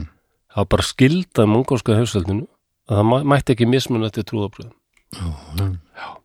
annars en gerðu líka að þú varst ákveðið fátækur Mm. bara algjör ölumljus maður áttur ekki neitt þá varst ekki látin borga skatt getur ekki borga skatt til átt ekki neitt Nei, það er rétt já, það er ímestlega svona og það er nefnilega ímestlega sem við höfum fengið frá mongolum mm. Og það er eitt hlutur sem við fengjum frá mongólum sem við notum óspart hérna á Íslandi oft. Sérstaklega þegar einhver er búin að gera eitthvað voða flott eða einhver á ammæli eða svona. Slaufan, Ha, slaufan Fyrsta Það- slaufan, hún var bundin slauðan. Nei, þetta er, þetta er eitthvað sem er sagt. Nú, Þrefalt húra, nei húra, húra, húra. Nei, Jú, það er svo svart frá er það mongólum. mongolst? húrraði frá mongólum en það er hluti Já, af, hér. af veitna, sumir halda að þetta hafi verið sko herópið þeirra en það er líklegra að þetta hafi verið hluti af bænunum þeirra þegar þeir enduðu hverja bæn á því að setja hendur upp til Guðs Já, Já, svona, eh, lófarnir sneru upp að himninum, af því að himinin var guð, guðinu þeirra, tengri hann Já. bjó í himninum stundum var hann í góðuskapið og það var allt blátt og Já. sólinn og falleg ský, stundum var hann reyður þá voru eldingar og læti og þrumur og já, þeir voru hrættir við himinin skítrættir við þrumur, já, ok þetta var guð reyður þannig að þeir báðu til hans og lófarnir upp og sagði hurra, hurra, hurra enda þannig hmm. og rússar eh, ein, þetta er náttúrulega eina þjóðin sem hefur sigur að rússa Já, já, já, Mongólum tókst það sem Napoleon og Hitler tókst ekki og Gustaf Svíja kesari reyndi þetta líka Svíja konungur já, en Mongólum tókst það sigur að rússa sko og rússar allavega tóku þetta hurra, hurra pikaðu þér svo tal, já, talaði þjóðurar hafið síðan og frakkar hafið tekið þetta frá rússum og bara nú eru íslendingar að þorra að blótum eitthvað hurra, hurra, hurra Já, Það er lengi lifi og einmitt þre- þrefalt úrarhóp sko, já, eins og mongóla voru með um, en já, aftur að Temujin, hann er frábær leitói og smá saman sapnast alveg bara liði kringum hann, hann er óbáslegt karisma eða þarna, útgeslun, heitir það víst mhm og hún er dettur í huga þess að hvað er við sameinum allt þetta lið maður, þetta er bara harðgerða, harðgerasta fólk á jö- jörðunni Já, móta þessari óbáslega og óblíðu náttúru mhm hver getur staðið á mót okkur maður ef við erum saminaðir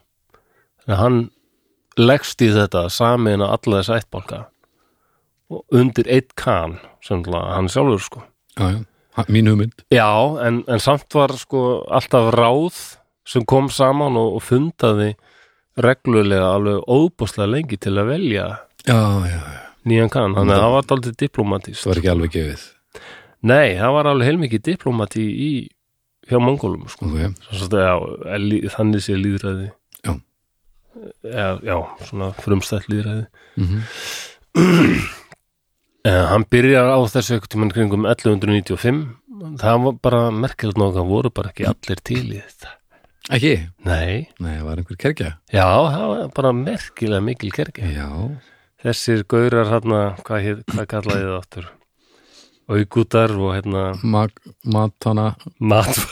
og, Ha, matvana? og kling eitthvað, kling og bang Já, já, já, tatarar, kereitar, næmanar. Já. Já.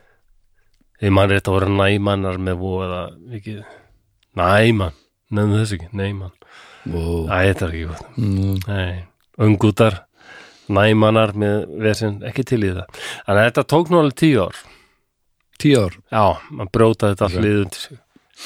ok, 1205 þá voru bara mongólar saminaður undir einum kan mm, þá lítið vissi heimurinn hvað, Í- hvað var að fara að gerast þá sko. okkarlega ja, hann og voru líka kymverið ennþá breytir bara til að þeir eða? ha, og kymverið ennþá til að þeir bara nei, þeim leist ekki það nei, þeir voru að fylgjast með og, já, já, já, og voru svona, svona æ, æ, æ, æ, æ, æ. þeim leist vægar satt ítla Já, já. þetta enda, enda hérna ákvaðu þeir að þeir voru, þeim var, þeir voru það hrættu við mongóla að þeir hugsaðu við verum meðlega að byggja eitt stóran vegg Já, já, já, það er það, já. já og það gerist þarna strax á þessum tíu árum eða.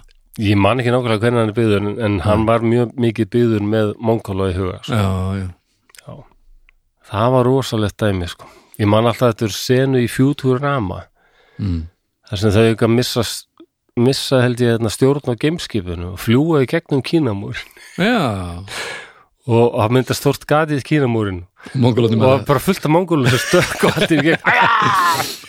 með svepp sem er búin að býða hann í 2000 ára og Futurama var svo æðislegt. ég var að horfa fjúturum í gær Já, ég horfði ennþá Mm. Futurama, sko. Mér finnst þetta eldast bara vel. já, já, um, hann byrjar á því að nú þarf að hann er góður í að skipulegja og na, útfæra svona skipulegur herin allt er byggt á tölunni tíu Mm. uh, hann til dæmis lífvörðurinn hans, hann voru tíu þúsund manns Mhm. já, bara sérstakur lífvörður kansins ok bestu gæðinir, já, sérvaldir en hann passaði upp á það hafa jæmt hlutvalk úr öllum þessum ættbálkum ok, og passa að hafa alltaf reglulega í hverri herdild alltaf hver herdild 10.000 manns, það var alveg svona sjálfstæði her eining Já. þetta er enda fengið aldrei frá Tyrkjum og húnar voru með svipað kerfi Já. margt líkt með húnum og mongólum sko. mm. um, já og það var þarna passaði líka að hafa alltaf sínu höfðingja dreifa þeim daldið þarna í, í já, já, í já lífverðinum að það væri svona þverskurður af mongólsku þjóðinni þá til já, já, lífverðinum já, það er stert svo all, öllum líði eins og skiptumáli eitt átt vissi ég ekki og var mjög hissað þegar ég voru að gera þetta hennar þátt mm. ég sá alltaf fyrir mér að mongóla hefur verið með alveg sko mörg, örgla mörg hundruð þúsund manna her Mm. ef ekki bara hátt í miljón eitthvað en málið er það að herin þeirra var aldrei neitt stór og yfirleitt að voru þeir með minna lið heldur en óvinnurinn eða þeir sem þeir voru að berjast við ok, um, og það er talið að þegar mest var þá voru kannski svona 150.000 manns í herrliði Mongóla já en á sama tíma voru kynverjar til dæmis með svona miljón herrmenn já, þess vegna lét ég Temutsin segja þarna að fjöldin skiptir engu máli já, það, það bara bre- með taktík og með því að vera bestu reyðmenn allra þess tíma já, aldrei eins og vikingar voru bara langbestu sæfærendur síns tíma bara komust alltaf þessum furðulegu skipum sínum þá voru bara engi sem stóðu mongólum á sporði hvað reyðmennsku og svo voru bara góð taktík, mikið skipulag mm Mhm. ægi, skipt allan máli já og, og leiðtóa sem þeir voru alveg bara til í að fylgja já, Og það, mér finnst þetta svo ótrúlegt bara mest um 150.000 manns yfirleitt m- miklu minna en það sko en þegar mest var þá réðu mongólar yfir s- það varð sko 15 miljón ferkilometrar mongólska heimsveldið og þetta voru 100 miljón manns sem shit voru hluta þessu heimsveldi til samanbyrðar má s- nefna bandaríkin sem flest okkar þekkjum og, og kortið og svona það er svona tæplega 10 miljón ferkilometrar þannig að Mm. þetta er bandaríkin pluss 50% já. það er helviti fínt það er alveg stórt já, það er, það er svolítið stórt, já já, en það við erum að tala um alveg sko þeir, þetta náði alveg út að hérna kóruðuskaga, þeir hernum námu allan, allan kóruðuskaga já, já, langt inn í Indland hversu langt vestur Já, þeir, náttúrulega, þeir komust alveg að Vínarborg. nei, Já, já, shit já, já. Og hérna Króatíu, þeir sóttinu Króatíu, Ungverjaland já, og Rússland náttúrulega varð mikið fyrir barðin á þeim. já djöfustugnaður Já, frá Kóruðska og koma alveg að Ungarlandi. Það sem núna er Sýrland, tóku það, bara Mhm. alveg að eiginlega það sem núna er Ísrael eða Egyptaland. mm -hmm. Þar endar lenduður í, fenguður óblíðar móttökur því að þar tóku mótiðum uh, herrmenn sem kalluðus mamelúkar mannelúkar Egiptalandi já, og þeirra aðal farasjóti var hestar þá allt í henni fengu mongólar að kenna veginn meðalum sko. já, ok þarna var bara konir reyðmenn sem voru jafn góðir og þeir ah, þá ákvaða mongólar bara já nei, sko, sleppa þessum görum hættu við að sækja inn í Egyptaland já, já, þetta gengur ekki Norður Indland já, eh, þar sem nú er Norður Indland Pakistan, þeir tóku það Tíbet, þeir Mm. voru með það alveg að Vietnam þetta er, þetta er óbóðslegt þetta er svakar Já, þetta er eitt mesta heimsveldi sögunar sko. ég, og bara ör, m- m- það stærsta, Já. stærri en Róm sko. þetta shit er svo víðfemt já, já, já Þetta er Eh, magnað maður Já, þetta er, vissur þetta, þetta hefur verið svona ofsalega stórt bara alls ekki, Ég held að margir áttu sig ekki ég að vissi þetta verið stórt en fyrir má nú fokkjum vera ekki hefði ég hugmynd um hvað þeir voru en hvernig gátu þeir verið með svona óbúslitt svæði en með svona fáa hermenn, það var einmitt þetta þeir bara leiðuðu fólki bara, nú eru þeir bara til þeir þeir mongolska heimsaldinu og, og mörgum fannst þetta eflut bara, jættul bara daldi breyting til batnaðar að vissu leiti sko. já, minna vers bara trúfrelsi og, svona, já, já, og svo það er annað sem við notast mikið við sem mongóla voru ákveðinir frumkvöðlari að nota það er mongólska póstþjónustan hún var algjörlega heimsmæli hverða þegar henni var komið að fót þeir voru mestarar í sko. póstmennsku já mongolur og sími bara Já, já. Reyndar það sem var sko þeir hérna þeir voru með daldið sem hétt Jam. Jan, Já, það var sérst að mongolska postþjónustan það kölluð Jam, ok Usulun AM og það voru sem sagt stöðvar sem voru með alveg svona 25 til 65 kilometra millibili, ok, bara allstaðar bara í Kína, þeir lögðu undir sem mest all Kína mm. bara í Kína það voru um, um 1400 svona stöðvar bara í Ok. Kína og 50.000 ferskir óþreytir hestar eiginlega alltaf til reyðu þannig að já, þú já, þú er bara að koma skilabóðum, fréttum, senda eitthvað bref mhm, bara uh, reyða á næstu stöð láta einhvern annan fóð brefið hann er fyrir að stað, já þú bara kvílið fyrir aftur tilbaka, svona held þetta var áfram og bara, wow, já, advanced þetta er náttúrulega dálítið advanced mikilvægt dot, sko Þetta er náttúrulega daldið mikilvægt sko.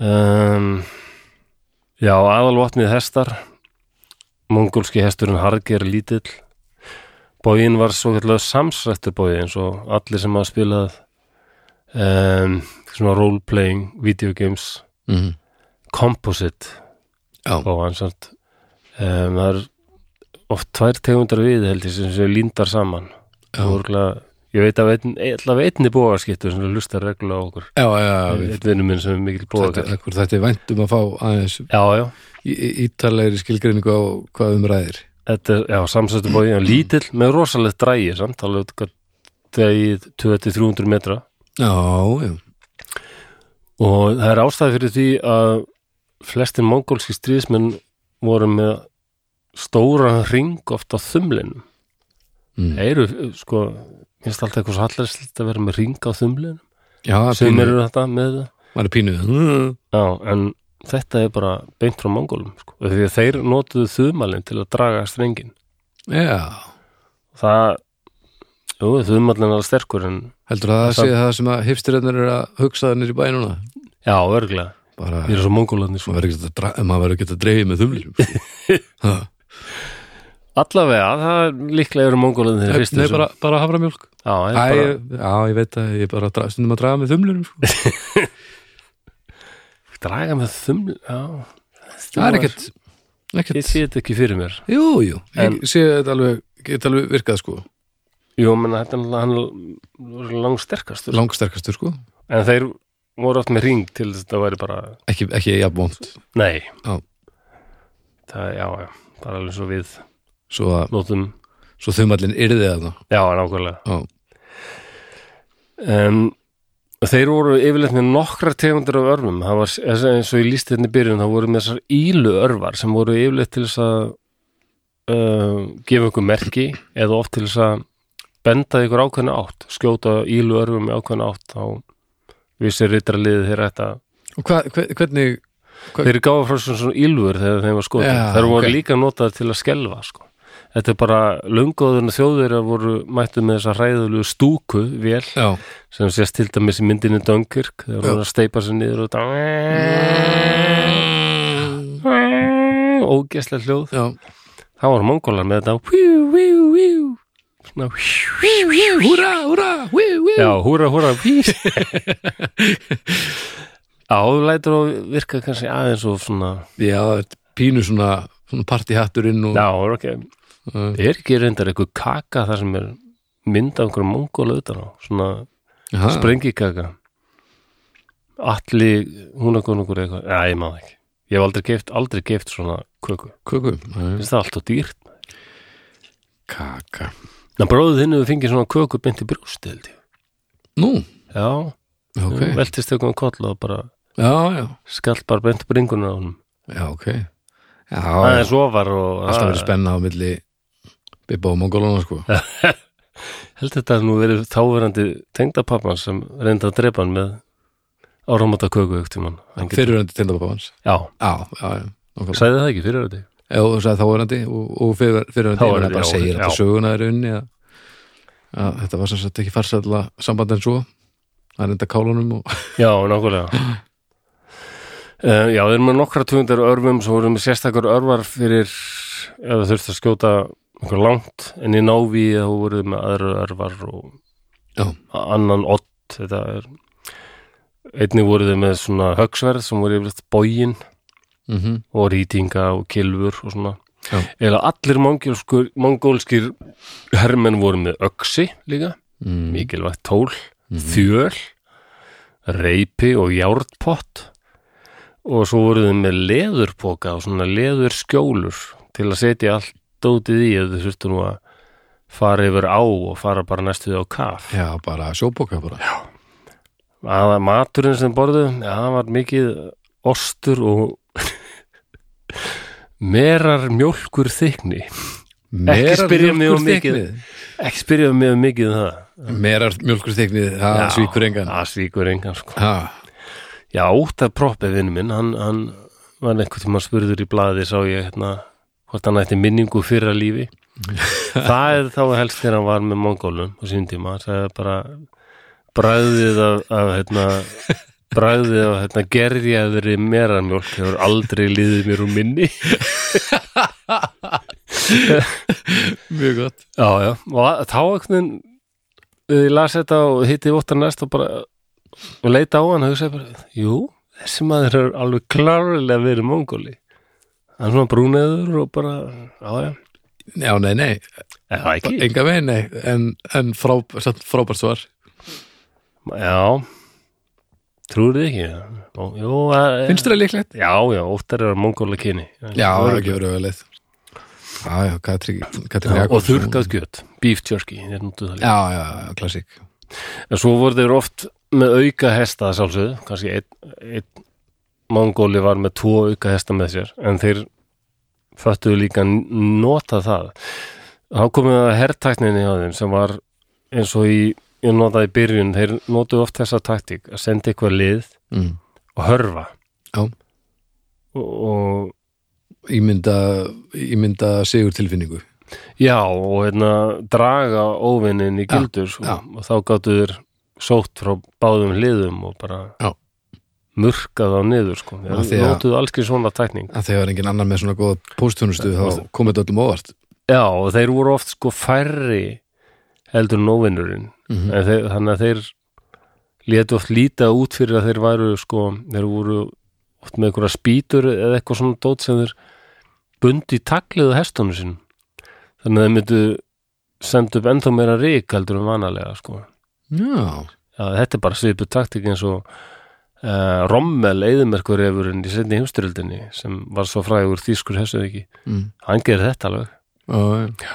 já bara reiksprengjur og Já, sapnaði saman allskins bílum og let þá geira fyrir aftan skriðtryggana þannig að þetta virtist vera alveg bara ofsalega, ofsalegur fjöldi að, Já, já, ef þau tekst að hræða óvinnin þá er bara hálfu sigurinn unnin já, það er talað um þetta fíla dæmi allt saman þú veist, uh, og það er ekkert bara gott að vera með fíl í hernum Nei, alls en ekki að hræða óvinnin Já, það er helvítið auðvilt ef þú ert Það með virkaði nokkuð sannlega, sko. nei, það var Já, ég var alveg kynnt með það, hérna, Karthagómen og Já. Rómverjar sko. Já, já, Nei, það var ansi mikið vesinn oft að stjórna þessu fílum.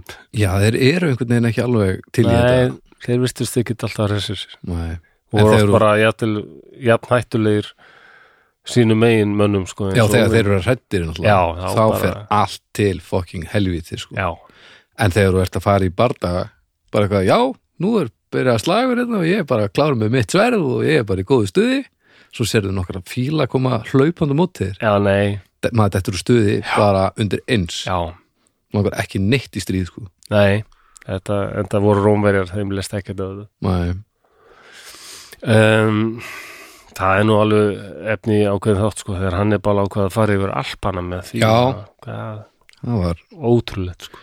maður verður stundum að flippa Já, já, vissuleiti tósta og svo var náttúrulega notuður þessu auka hesta sko að, já, er byggu til svona einhverja gínur og svona gerfikalla og festu á auka hestana en við virtust vera alveg bara já, það þrísa sinnum fleiri en þeir voru er ekkert skrítið að vera að halda í handverksfólkið Nei, hei, segðu stela föndururum þegar þú ert að smíða þér hér En svo var náttúrulega önnur taktík sem margir nýttu sér líka en mongólar urðu alræmdir fyrir Já.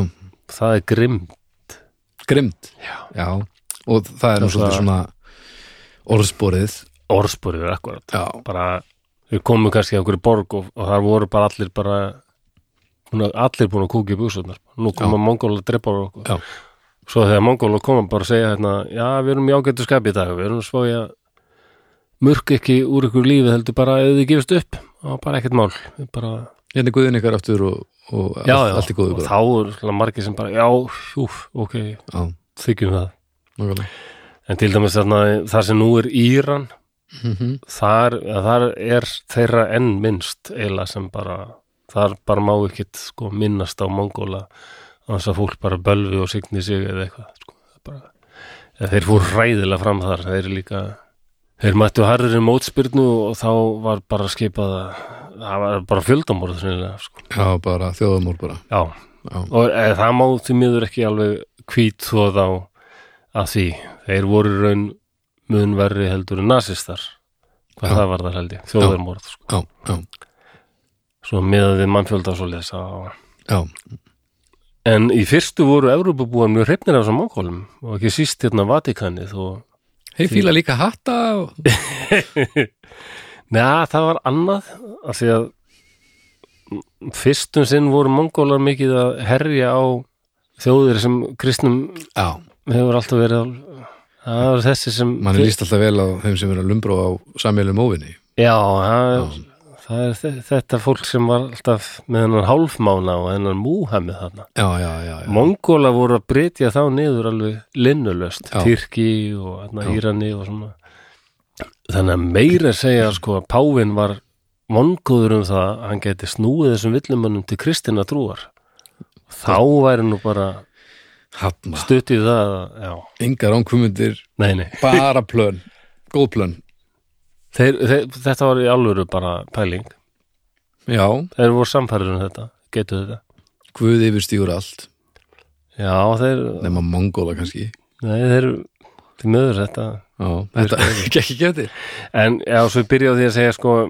þeir, eh, skip, skipulaðið var rosalegt í þessum her það voru fjögur líkilor, það er ægin Mm. það var stundum alveg daldi sakalegur um, sopna á verðinum döðurefsing bara, já, já, aðjá ah, um, um, dott ef, ef, ef þú sást eitthvað missa eitthvað til dæmis á hespæki og ríða marga vegalendur sást eitthvað missa eitthvað stoppaður ekki til að taka það upp og færa viðkomandi það setna döður er syng nota vatn í eitthvað annað en að drekka svala þorstað þínum og svo hestins já, döður er syng þeir þóðu sér aldrei sko nei, nei Jú, það kannski hendur sér út í á eða vatni eða það var, en, en e, þeir trúðu ekki á að þú fötir sín. nei, Nei, nei, nei þar fór element of já, surprise þeim fannst bara rangt að nota vatni, vatni svoleiðis. já, já, auðvitað Þannig að, já, já, já, bara það er smá hann var svona var bara, var bara Já, til að Mongólar- drekka, sko. Já, það, mongólar þeim að hefur, koma já, þeim hefur alveg verið lýst þannig, sko. Það er, til, það er enda til hérna samtíma lýsingar. kæstasti herin Það er til samtíma, samtíma lýsingar á þeim. aha, Já, já, já. það er svo það, það var búin til svona bálkur sem heitir Jasak hinn mikli, Jasak sem var bara svona laga bálkur eða bók mm. og það stendur til með hann Genghis Khan, mælu svo fyrir öll trúabröð skuli vera rétt há og engin nóta forréttinda og hver sá sem lígur vísitandi hefur uppi særingar eða njóstnir um náungan blandar sér í þrætur tvekja aðila Mm. Eh, öðrum þeirra til frádáttar skal týna lífinu ok, og missi einhver farangur sinn, boga, annað búnað skal sá sem rýður eftir honum stíga á baki og rétta það eigandanum en gera það ekki, skal hann týna lífinu Björn, börn hjákvenna þá máttur ég konu og svo Já. nokkra hjákonur, hjákonur en börn hjákvenna skulu teljast skilgetin og taka sinn hlut af arfi eftir því sem faðirinn ákveður skipting eigna á að vera já, ok jákvæð með þeim hætti já og svo er ein svona steppuregla sem ég veist aldrei krútlega það er hérna farið vegfarandi þar hjá sem menn sitja snæðingi þá má hann fara baki og eta með þeim án þess að byggja leifis það skal honum ekki meinað og það væri eiginlega svona regla hjá þeim sko að ef þau, ef við værum að borða og einhver gaur kemi mm -hmm. bjóða honum að borða með ah, já annað er bara hræðilegu dónaskapur sko. Þannig að þetta þýðir basically að ef ég hefði verið partur af þessu þá Já. var ég sattur ég fengi arf en það var hins vegar búið að drefa mig þrjusvar já, Já, það er líklegt það, það var strangur ægi sko. já, já, það var bara mikilvægur Já. og reyfanleikin verður alltaf á já reyfingu og, nokkulega og geta sko, eins og þessir gaurar á hestunum komu kannski eðandi, skutu nokkrum um örmum og svo voru þeir farnir sko.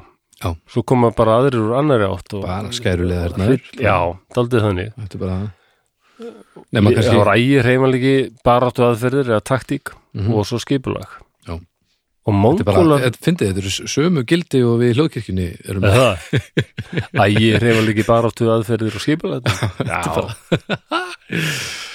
Æ, skipulatni, það er nú bara eitthvað sem íslýtingar við kunnum það ekki, sko. Við? Nei. Nei, og við þykjum svo mikið Ég kann alveg skipulegja Svo er bara allt runið bara til kortir Já, ég heyrði viðtalið norska konu sem er búið hérna í mörg ár. Hún sagði sko að reyndar sko að ef, ef hún þyrti að fá eitthvað fólk í jobb hefði bara 12 tíma í það en þetta væri vannarlega jobb sem þyrst að vinna á einni viku Já. og myndi hún alveg klárlega frekar vilja fá íslendingi í það heldur en norðmenn Já, því að bara íslendinga vinna svo vel undir þessum aðstæðum já, en norðmenn ekki nei, þannig að norðmenn myndi alveg klúðra þessu áttunum að það er eitthvað sem þarf alveg rosa skipulegningu og kannski plana alveg ár fram í tíma, mörg ár fram í tíman eða eitthvað. mm, ég myndi, þá myndi ég fá norðmenn sá þeir kunna það en íslendingar bara alls ekki Mm, ég er bara sammála um. þetta er bara alveg hárrið Já, ég, þetta er bara svona Við Og það erum er svona- allt í lægi Já, líka það er alltaf leið Við Við erum þurfum bara ekki svona að rosa þykast vera góði í einhverju sem við erum ekki góði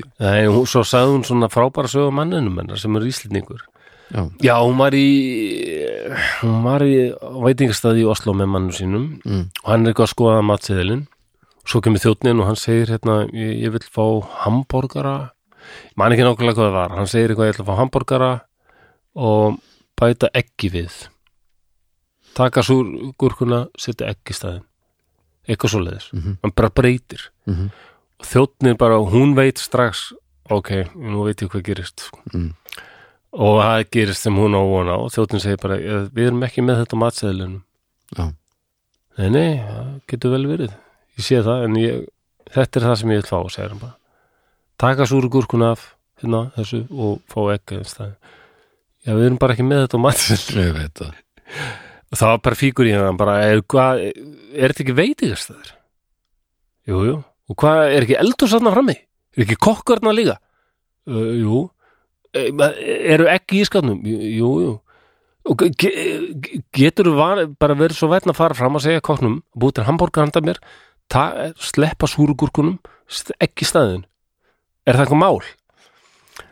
og hérna, he- hún vissi alveg hvernig norska þjónum leið, þetta Já. bara komst ekki inn í Nei, nei, bara registrera ferkantaða hausinn eh, ég skal spyrja kokkin og hann fer fram og kemur svo já, um, ákveðið að verða við þessari bón ekki. Mm, Yes, bara, norska hetjan hún sagði bara normenn gera þetta ekki Nei, þetta er, eins- ég held ég hafi sagt söguna því þegar Böbbi, við vorum að spila í þrámteimi já, Böbba langaði í kók og það var svona backstage, svona drikjar eitthvað og við fengum einhver svona einhverja peninga sem við áttum að nota já hann, hérna, ég ætla að fá hennar kók og bara, það er ekki á listanum bara, það er kók hérna í skofnum já, en það er, það er bara tjakk í kók á listanum já, það var ekki bara að fá kókið nei, það er tjakk á kók á listanum já, nákvæmlega má ég þá fá tjakk í kók mínus tjakkin og, og bara svo, svo maður svona æðarnar þrútna á enninu á henni já, og hún varði því nema, hann fekk kók og það vantaði svona það var ekki, það var pláss þar sem tjakkin hefði verið. vöfusins þetta er, þetta er snilt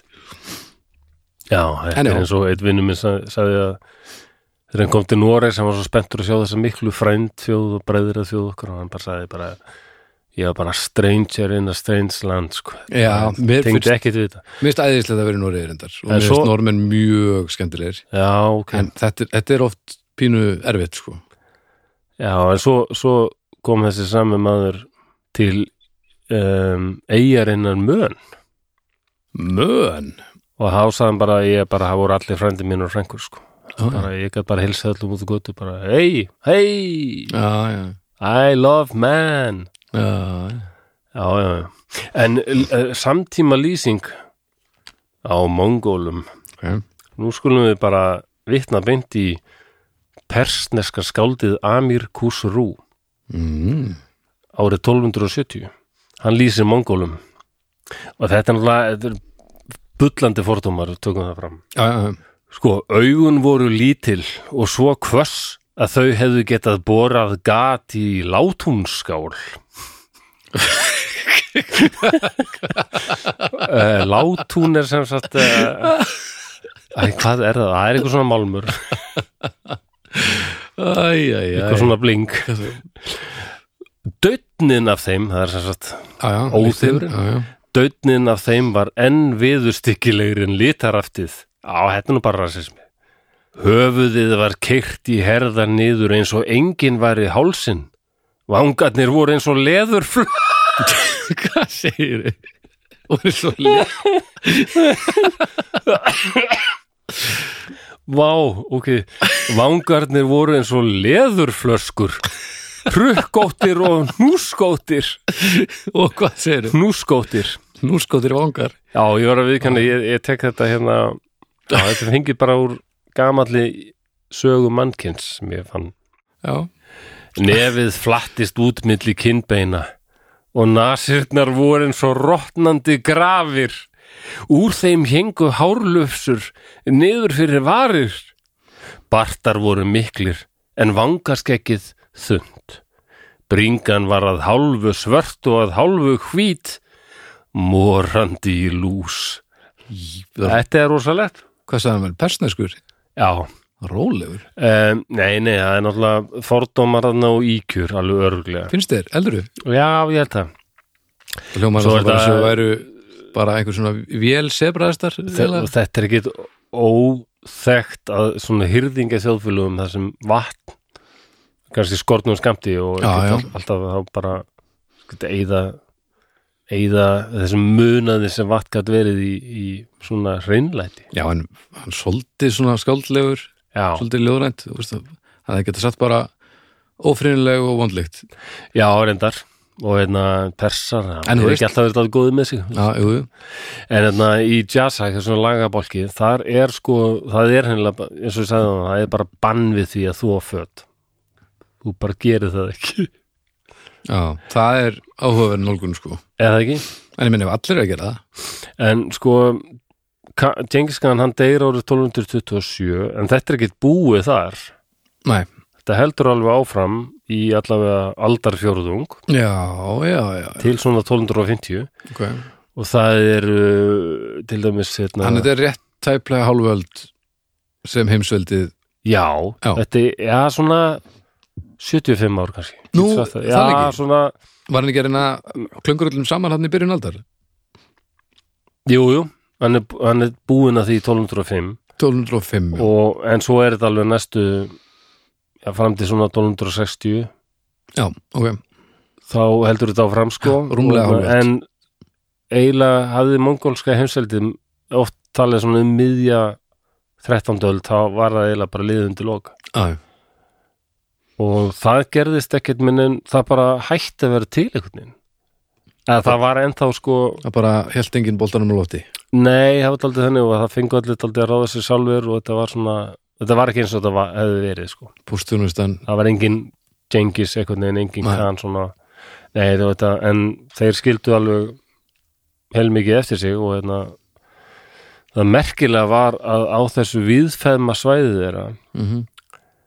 var síðan sko alveg í næstu hundrað ára eftir ótrúlega mikill friður Já. það er talað um það sem Pax Mongolica mongólski friðurinn já, eftir þess að opaslu óöld og hérna stríð og herna þeirra þá var bara eins og allir væri bara búin að fá sér fullsættan að þessi og lýsingar þeim voru þannig að verslunum enn sögðu sko að það var bara þetta ferðast og fóst frá krím alla leið yfir til kóriðu ekkert vandamál, engi ræningar, ekki neitt bældi hvað maður heppin ef maður fættist akkurat innan þessa ramma Já, nákvæmlega En já, ég ætla að segja hérna til dæmis að það var einn sem var kann hafa svona svona dengiskan sem heit Gujuk gújúk Já, já, hér það er satt með G-U, J-U-K og bæði U-in eru með svona tvípunktum fyrir ofan umlát Já,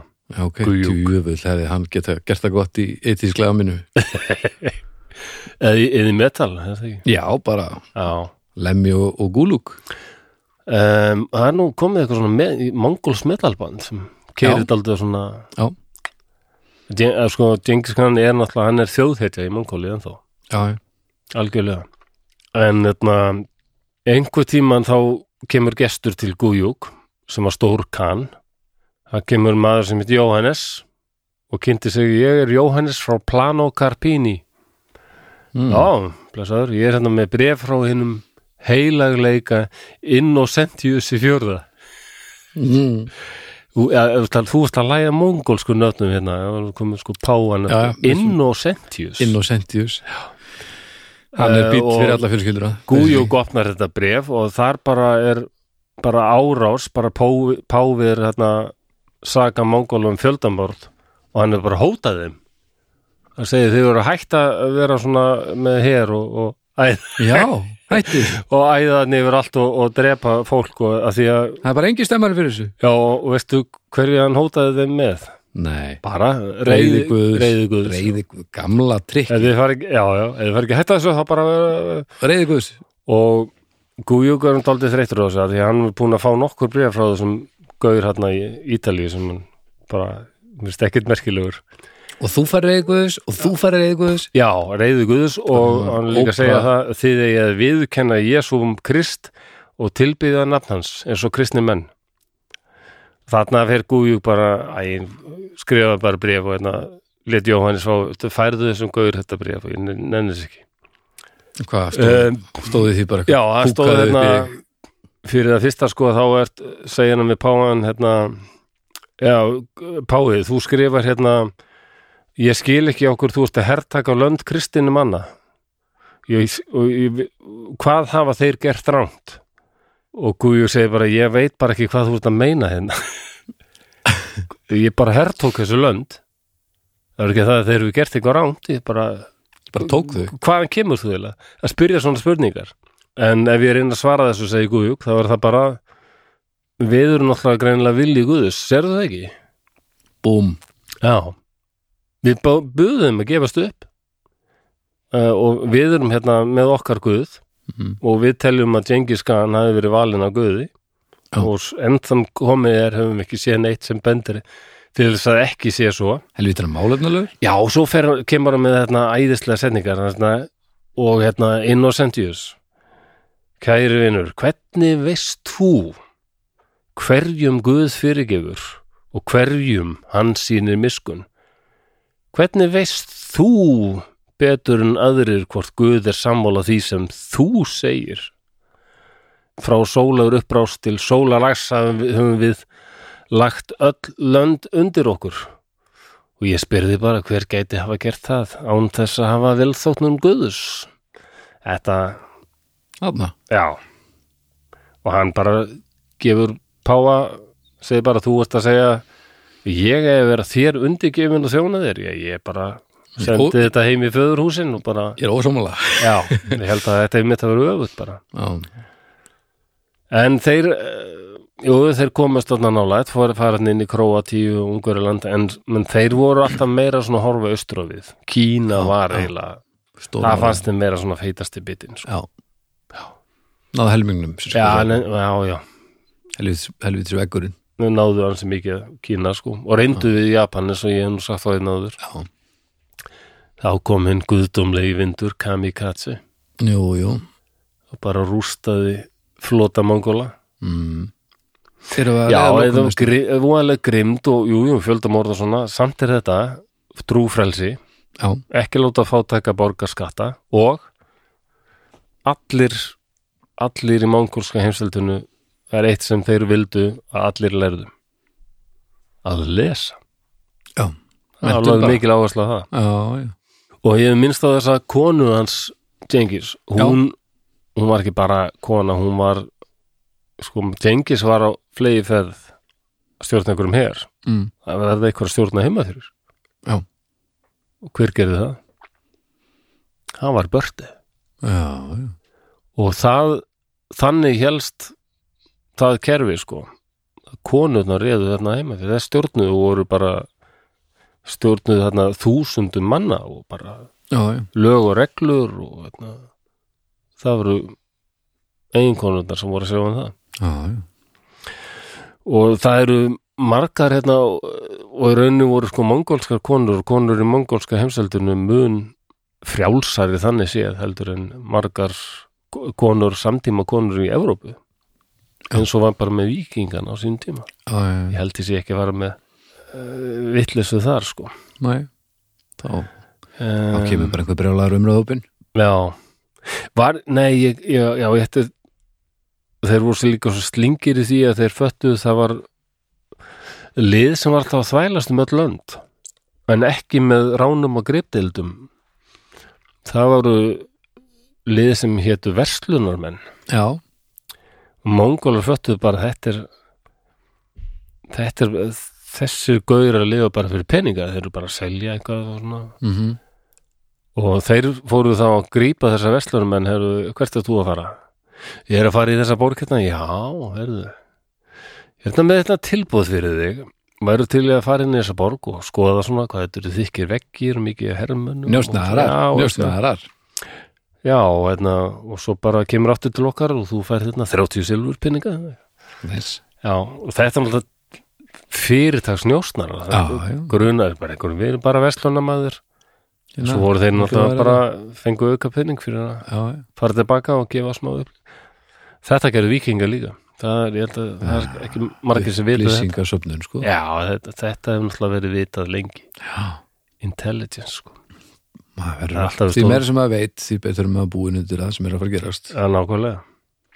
Já, Já, og svo var þetta, hérna, aldrei þvoföld, mátti ekki nota, misnota vatnið, þannig en þeir voru oft í brynjum sem voru, sko, leðurbrynjur. En, en þær voru, þær þurfti einhvern veginn að súta, herða í vökva. Já, já, já ekki Ó, nota nei. vatn Ó nei Ó nei, nei, nei, nei, en það var annar vökuð sem var Nei, nei. alltaf mikið til nei, nei, nei.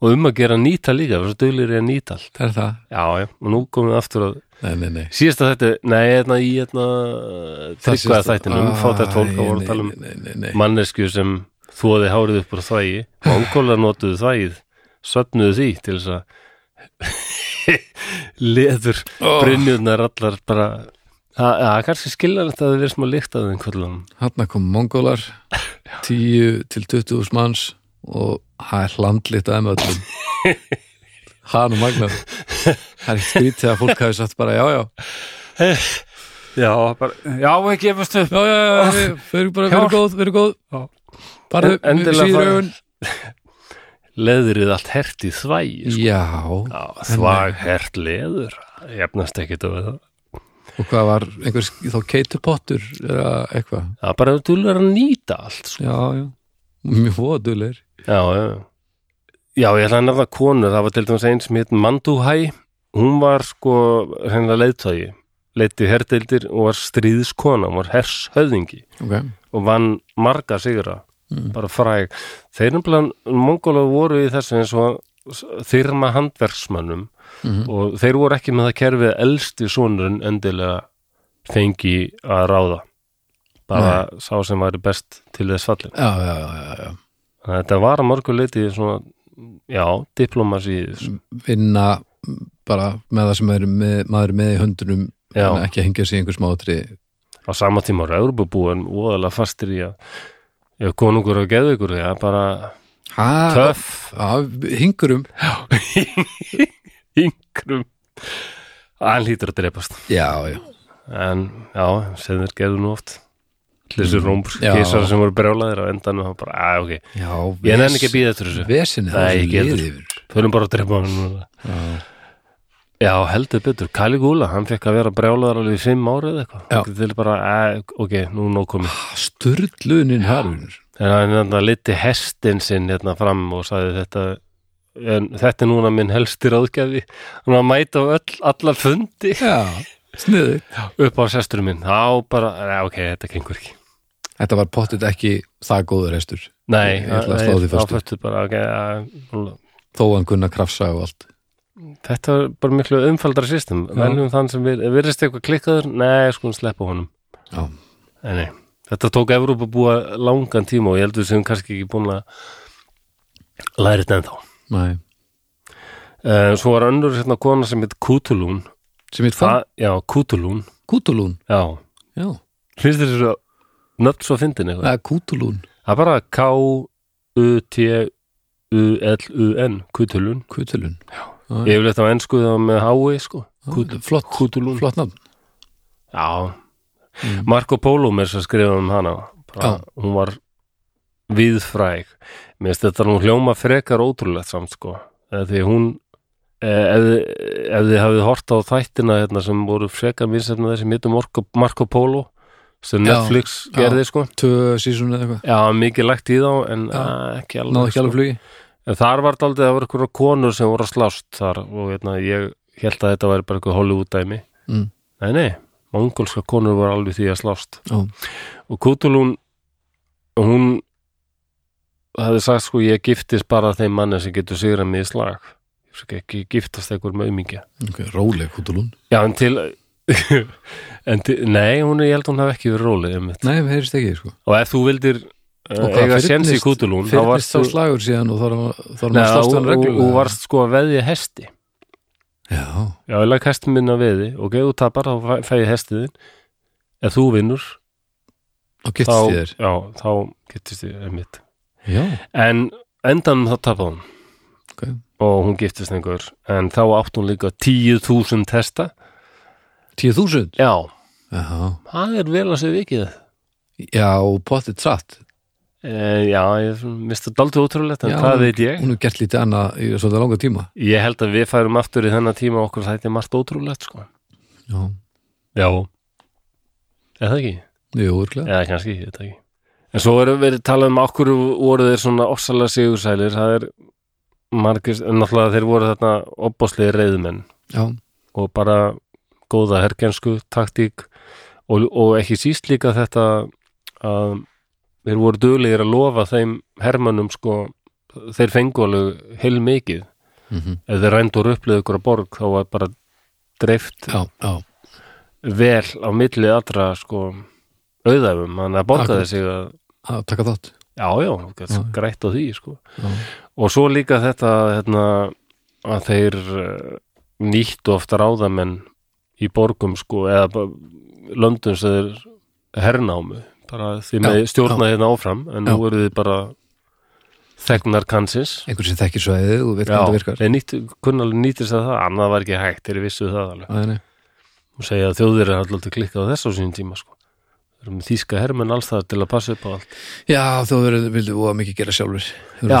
Þeir sá krakki Já, akkurát Í mongólsku allavega á þeim tíma þá var ekki til neitt orði yfir hermaður Ok, mér finnst það merkilegt líka einfallega vegna þess að allir voru bara hermenn já, já, já Þú varst bara Já, þú varst bara einn- fættur inn í þetta Já, og annarkvort gastu það eða ekki og hafi sennilega hafa eldur ekki verið til uh, orðið við vondalikt Nei, ætli það Nei, Nei, nei, ekkit svoleiðis Þetta voru engar teprur, Baldur nei, þetta hefur verið gallsúrt Stórt landsvæði Já, ég ætla kannski bara bóstælega Alveg Já, ekki, eh, svo ekki bara þvæ- þvægi sko því að þeir voru duglegir eins og þegar þeir voru að sigla þarna yfir til Japan já, þá komuður við á einhverjum eigum þar sem bjóðu eitthvað fólk mm. og þeir tóku þetta fólk og hengdu allt fólkið utan á skipin Það, utan á skipin já, það voru svona flesti döður þegar þeir hengdu utan á skipin eða allavega drápust þeir flott þannig að Japani bara sáðu skip koma þá var bara hangandi dögt fólk utan á þeim öllum Þetta er til þess að ræða náttúrulega, þeir gerðu þetta alveg Það hefur virkað, en Já, já. einmitt hefur ekki bætt kannski lyktina sko Nei, þannig að þetta hefur verið mi- svona mikið gór og viðbjöður oft sko. mm. En já, svona upp úr 1250 þá eiginlega er þetta liðundi lók sko. Já, En eins og með svo marg, marga hérna, svona, svona þjóðir sem fara að ráði yfir öðrum, þá verða þau fyrir svo miklu áhrifum af þeim þjóðum sem þeir hernema. já, Og á endan bara var mongólska hensveldið orðið hálf svona íranst já og kínverst. Sko. já, Þeir voru búin að já, já, taka svo mikið frá þessum og verða fyrir svo miklu áhrifum að þessum menningu þeirra. breytt stemmar um Já, aðeins og- og ég man ekki hvort að Kublai Khan sem var Mhm. mm. af síðustu könunum, könunum Kvönunum, hann til dæmis bara gerist múslimi já, já það það var Bless heiminn Já, Innocentius hafði nú ekki meira vald en það yfir mongólum sko. Nei, nei, en svo gerðu það, það var þetta, þetta er ennþá kallað þetta er kallað Pax Mongolica eða mongólski friðurinn að Já. bara, þetta svæði að þorðingin að gera neitt þegar það var allir bara drefnir fyrir minnstu yfirsjón en já, þetta, ég hef ekki mér langað að segja frá mongólska heimstöldin og Gengiskan Hvað segirðu? Hefðirðu- Mér langaði bara að segja þess frá já, mongólska heimstöldin og Gengiskan þetta var líka fullkomlega frábært Eða það? Já, ég Já, lærði gaman að fullt af heyra. nýju Er eitthvað, telur þið hafa lært eitthvað þarna? Já, ég lærði alveg fullt af nýju Húra, húra, húra Húra, húra, húra, til dæmis Já. og, og líka gengið hafi, ég held hann væri meiri herkensku drulli en hann var Já, það er súputæ uh, Já, það er svo Ég hló ekkit að þessu því ég var að lista fyrst Nei. Svo kemur þú hérna með Ég meina, þetta er bara svo gefið Súputæ Og ég gerði mér ekki grein fyrir því hvað þetta var viðbjörslega stórt Nei, alveg trillt sko Það er alveg Þannig að þetta var mjög Já, gott að vera áhugavert og skemmtilegt Það er bara, já, allir pissu blöðir bara Allir Og, og, og, og, og, og þú þarft ekki einu svona mýg á þig sjálfur Nei, nei Þetta er bara, þú- þeir eru bara Þeir eru bara dýft Í Já, K2 pottin En það eimir ennþá þessu þessum fordómum sko eins og ég heyri oft með vikinga fólk er ennþá litað þessum miðalda fordómum sko að Já, já. það allt verið helvítis Já, það var bara ribbaldar Fólk mann eftir grimdinni fyrst og fremst Og svo sem ekki óðalegt við það En já, þetta En- var einstaklega áhugavert en til þess Spartakus þrællin sem gerðu uppreist Já, Rómverjar þeim tókst loksins að brjóta þá uppreist á bak aftur sko, þræla uppreistnina Já. og hvað gerðu þeir? Það er skellt upp nokkur þúsund krossum við einn aðal þjóðuvegin Mhm. og hengdu þessa þræla þar þannig að já, já, um marga, marga, marga kílómetra það bara voru krossar með rotnandi ræjum já, já. Já, nú ákveðin grimdi því líka en einhvern Smá. veginn er allir bara eitthvað Þú höfðu allir mikinn frítíma að það maður Já, og þetta var aldrei svona já og bara ef maður fer að lesa söguna þetta er allt svo ógeðslega brútal maður. Já, þetta er, þetta er svolítið yfirgengilegt og hérna svolítið fáir sem voru óbúslega ríkir og margir sem voru rosalega fátækir Já. þetta hefur bara alveg verið gegnum Já, já. gangandi sko. Er þetta frábært? Já, ég, ég vona það Þetta var Mjög svona sakraði, svo næst verðum við með bara eitthvað svona Eitthvað annað, vonandi Já, Vonandi það er rennur erfitt að finna einhverja svona mér er allanga að reyna að finna annan Reza Palucci eða annan Larry Walters einhvern svona alg, en Þetta eru einstæmi í heiminum já, það er, það er bara ofáir svona Svona, en svona, vola mikið einhverjum brjálæðingur sem er að drepa Já, alla já, svona, já, en, Já, já, þetta, þetta kemur allt upp á yfirborðið já, já, Í ráleitunum yes Herru, það takk þakkaði fyrir, fyrir mig í dag Já, takk fyrir okkur og Eh, minnum á hlúðkirkjuna minnum alveg kirkjuna sem er vissulega marga þætti sem er bóðið upp á Já, og sérstaklega nýju þættina, listamenn á Já. lögatum og, og alveg dagsatt á sundum. Þið skulle tekka á þeim. Svo uh, viljum við minna á umræðhópin okkar, draugarfortíðar á, á Facebook sem við komum inn á hérna í upphæðinu og það væri snildið myndi láta sjá okkur þar. Ég, þegar þessi þáttu fyrir loftið þá veit ég ekki hvort að við séum komin í fimmúðus manns en það væri það allavega er stutt í það. wow. Það verður, er, verður við með aðtöfn, er viðhöfn, eitthvað. Það verður allavega- 5000 Allavega húra, húra, húra, E- já, eitthvað. er eitthvað hérna, tak, einhver takmörk á fjölda Að Við, nei, þú veist, það er þá einhver hundruð þúsunda, þannig að ég hef ekki með það okkur já, því nei en, nei, en það verður gaman að sjá þetta poppið í fimmúðust sko. Já, hvað, hvað er það að gera þá? Bara við sem Ég- er laga eða eitthvað? bara bjóðum öllum heim eða eitthvað, ég veit það ekki pilsupartí, Kuku? já, kukku Pilsamann? Já, pils og kókumöl uh, svo viljum við hérna byggur um að fara þar sem þið getur gefið stjörnur og, og einhverjar umsagnir ef, ef þið hafið tök á því þá verið það mjög vel þegið það hjálpar Já. okkur í að stækka þetta enn fyrir okkar það er, það er staðnind svo viljum við þakka Borg og Bríó sérstaklega fyrir að, að hjálpa okkur með þennan þátt eins og að þættina síðustu mánuði já, og við tökum því alls ekki sem, sem sjálfgefnu að, að sé einhverja standi í þessu með okkur ó og, nei og það er ástæðan fyrir því að, að við höfum náða að halda dampi svona ógæslega lengi Já, og nú er það er hækkandi sól og fyrir að lí- hlýna já, en maður hvetur nú fólk samt ennþá til að fara niður að tjörn og gefa öndunum en passið ykkur á því að vera vissum að þið séu ekki að gefa illu öndunum Æ, guð mig, guð en sko endur Ok, það er alltaf verið að gefa þeim brauð já.